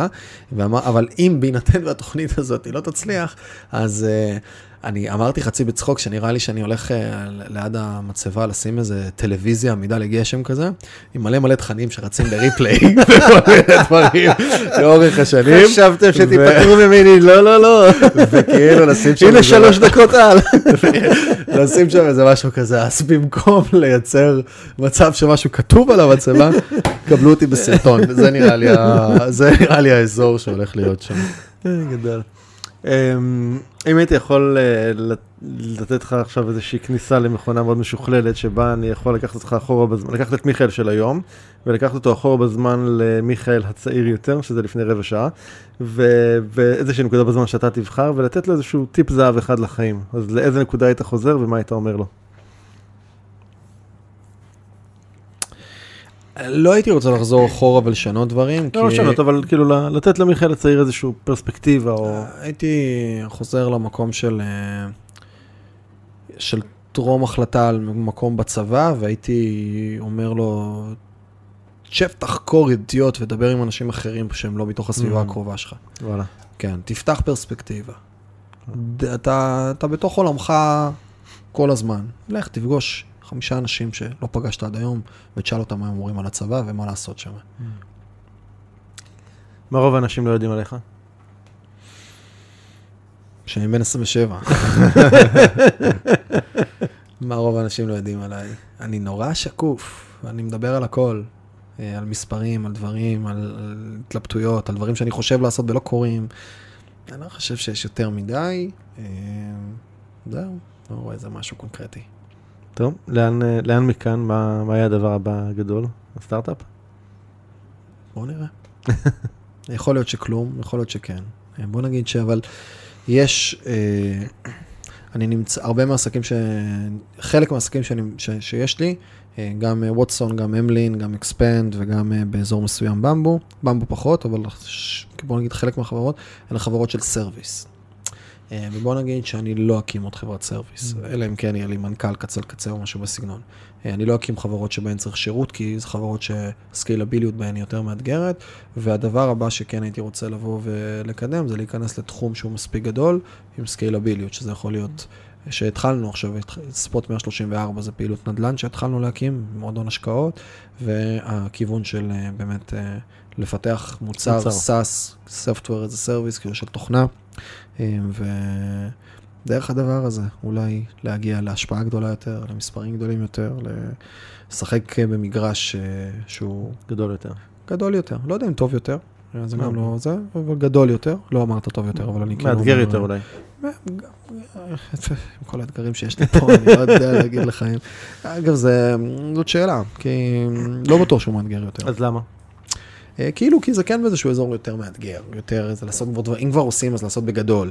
אם אני כבר, אם הייתי משחק כדורסל, לא הייתי רוצה להיות בליגה ד', בסדר? כן. הייתי רוצה להיות בליגת העל, הייתי רוצה להיות ב-NBA, הייתי רוצה, כי, כי, כי זה, אם אני כבר עושה משהו, יש משהו במצוינות הזאת, ב- בלהיות הכי טוב שאתה יכול, שיש בו הרבה, הרבה כיף, כן. הרבה עונג, הרבה flow, הרבה, הרבה הגשמה, ובמקרים מסוימים הרבה אושר, לא לכולם, צריך לדעת להתמודד עם זה, אבל גם הרבה אושר. וכאילו, אם כבר, אז בואו נלך למגרש הגדול יותר. פונקציה של כסף היא גם חשובה, אבל זה, אני חי טוב, לא מניע אותי. כן. אה, זה מניע אותי יותר, ה, ה, אם כבר, אז כבר, כזה. יש איזושהי שאלה שהייתי צריך לשאול אותך ולא שאלתי? אה, לא, נראה לי היית בסדר, סך הכל. שוב, זה, זה כבר נושאים, זה לא שאלות. כן, אה, אצלך שום דבר הוא לא שאלה. אה, אני חושב שהעולם של אה, ניהול זמן וכאלה זה תמיד עולמות מעניינים של פרודקטיביות ויעילות ואיך לייצר זה. נגענו בזה במקרו טיפה, אבל בוא כן. נגיד, זה נגיד אזורים שמעניין לדבר עליהם בלי שום קשר. אבל סתם כי יש לי פשע לזה, אבל חוץ מזה, נראה לי זה לפרק הבא. יאללה, בסדר. יש משהו שהיית רוצה לשאול אותי? מה שהייתי רוצה לשאול אותך, למה אתה עושה פודקאסטים? אמ, קודם כל אני מאוד נהנה מהמפגשים האלה. אני מאוד, אמ, יש משהו ב- ב- בשיחות האלה שתמיד אה, כיף לי, כאילו מהמם. תמיד מסקרן אותי, תמיד אה, מעניין אותי לחקור, כאילו ככה, איך אנשים, אתה יודע, מגיעים לאן שהם הגיעו, מה מה החשיבה שלהם, מה הוביל אותם, זה מה- באמת אבל, זה אמיתי? מה אמיתי. זה אמיתי בזה שאתה באמת, אני כאילו, גם אני באתי עם הרציונל הזה. כן. בהתחלה, והרבה פעמים גיליתי בסוף שוואלה, אני פוגש הרבה אנשים שהם כאילו הצליחו, או עשו איזה שהם דברים משמעותיים, יש- יש- ואין מתודיקה, לא, ואין לא, משהו לא, לא, אני לא. לא מהמקום של, אני היום לא מחפש מתודיקה. אני, אתה יודע, אני באתי בעברי מעולם של נוסחאות, בכל זאת מהנדס, כן? אבל היום אני מבין שאין באמת איזושהי נוסחה כזאת, אני לא, לא מאמין שיש איזושהי נוסחה כזאת. יש אה, באמת אה, אולי עקרונות כאלה ואחרים שאנשים פעלו על פיהם, כן? אבל אה, לא, לא ממש נוסחאות. אז קודם כל המפגש האישי הוא נורא, הוא נורא מעניין, וכמו שאצלך אתה אמרת, זו הזדמנות מדהימה להיפגש ולפגוש ולהכיר אנשים, ו- לי מתוך המפגשים האלה הרבה מאוד קשרים אישיים מאוד uh, מעניינים ומאוד uh, מאוד טובים, שכנראה לא הייתי מגיע אליהם uh, בדרכים אחרות. Uh, יש גם היבטים uh, עסקיים, הפודקאסט הזה הוא, הוא אחד ממנועי השיווק היותר משמעותיים היום ש- שקיימים עבורי. אבל uh, אני לא, לא, לא הייתי עושה את זה ואני משקיע בזה המון זמן, המון המון המון זמן. וכאילו, רק בשלושה ימים האחרונים אתה החמישי, פשש, יש לי מחר אה? עוד אחד ויש לי בש... ביום שישי עוד אחת. שמעת אופק? כן, אז, אז כאילו, עכשיו שוב, לא כל שבוע שלי נראה ככה כמובן, אבל, אבל אה, אני, אני, אני, אני, אני משקיע המון זמן בדבר הזה. אה, כי שוב, אני באמת, אני גם נהנה מזה, ויש גם את האלמנט באמת שאתה יודע ש... שאנשים מקשיבים לזה, כן. ולוקחים מזה, וכמו שאתה מקבל, תיארת, מקבל תגובות, אז גם אני מקבל תגובות כאלה, וזה תמיד מרגש לקבל את התגובות האלה, וזה עושה איזה משהו מאוד מחמם בלב כזה. אז אה, זה, ועוד שאלה אחת, כן. ברשותך, בכל זאת אני בטח, גם אה, מראיין. קדימה. אה, האם גילית משהו עליי שלא ידעת, או כן. או נפתח לך משהו בשיחה קודם הזאת, קודם כל- כי אנחנו מכירים, שוב, אנחנו גם, אנחנו עושים גם עסקים ביחד, ביחד נכון. וזה, וכאילו, גם לא מכירים לא יום ולא יומיים, וגם לא מזמן ישבנו על בירה, אז כאילו, אה, לפני כמה ימים, אז אני שואל אותך רגע בפרספקטיבה הפוכה, של האם משהו שאמרתי הפתיע, הזיז, אז קודם כל? קודם כל הסיפור על המרתון לא ידעתי אותו. וואלה, לא ידעתי אותו. עכשיו, מה שמשעשע זה שביום חמישי ששתינו בירה, יזעת את האוטו ואז ראיתי את המדבקה, אה, נכון? נכון. אתה זוכר, ואמרתי לך, כאילו, אז כאילו, בא עם האוטו. בדיוק, שאלתי אותך בצחוק כזה, מה קנית את. האוטו עם המדבקה. ועכשיו, כאילו, ואתה אמרת שם איזה משהו, אבל לא, לא קישרתי. לא קישרתי, לא קישרתי, אז היה, אז היה, זה ככה. אגב, לא- היום לא הייתי מדביק את המדבקה, אבל בסדר. כן. כן, חמוד. אמ, אז זה, זה דבר אחד. אמ, וכן, יש המון, המון פרטים בתוך הדרך שעשית, שפחות הייתי. מודע אליהם, אתה יודע, לדיטלס עצמם, אבל זה, זה היה מסע מעניין לתוך אה, נבחי ראשך, ראש, וואי. ראשך. לגמרי, ראש מסובך. כן, ראש אבל מסובך. אה, אתה יודע, אז אה, שוב, אני, אני לא יכול לנתק מזה את אה, גילך. בסדר, אי אפשר, אי אפשר, כאילו, אני חושב במקרה שלך לנתק את זה מעניין הגיל ולגילך, אתה באמת אחד האנשים היותר אה, חכמים, חכמים זה לא, זה לא, לא, לא של איי-קיו, אלא של סטריט סמארט כזה, של חוכמת אה, רחוב כזאת, שמה שנקרא בין זה, דן זה, אני יודע כאילו, שבאמת אה, אחד החכמים שזכיתי להכיר. איזה כיף לי. איזה כיף לי. מגניב, אחי. טוב, אז אה, מיכאל, המון תודה ש... אנחנו נוהגים לסיים פה באולפן אה, פודקאסטים בהתקווה. זה בפודקאסטים שלך, תעשה. צריכים פה להתחיל אה, לשיר, ו... אני ציפיתי שתשלף איזה בקבוק ויסקי או משהו כזה. אוי, אתה... אם היית זורק משהו, היינו עכשיו שיכורים. היה לי פודקאסט כזה עם אה, קובי חוברה על היסטוריה, דיברנו על אה, צ'רצ'יל ועל היטלר ועל מלחמת העולם הראשונה, ועשינו את זה על בקבוק קוניאק, וזה היה באמצע היום, וסיימנו חצי בקבוק, קצת יותר מחצי בקבוק, ופשוט סיימתי, לא לא אגיד שיכור, אבל הייתי הייתי קרוב לשכרות, כאילו, אחר כך זה היה המשכתי- שמח? המשכתי את היום שלי עם פגישות ודברים, חצי שיכור בתוך התהליך, זה היה אירוע משעשע מאוד. טוב, מיכאל, המון תודה. אמריקה, תודה רבה. תודה להיותך.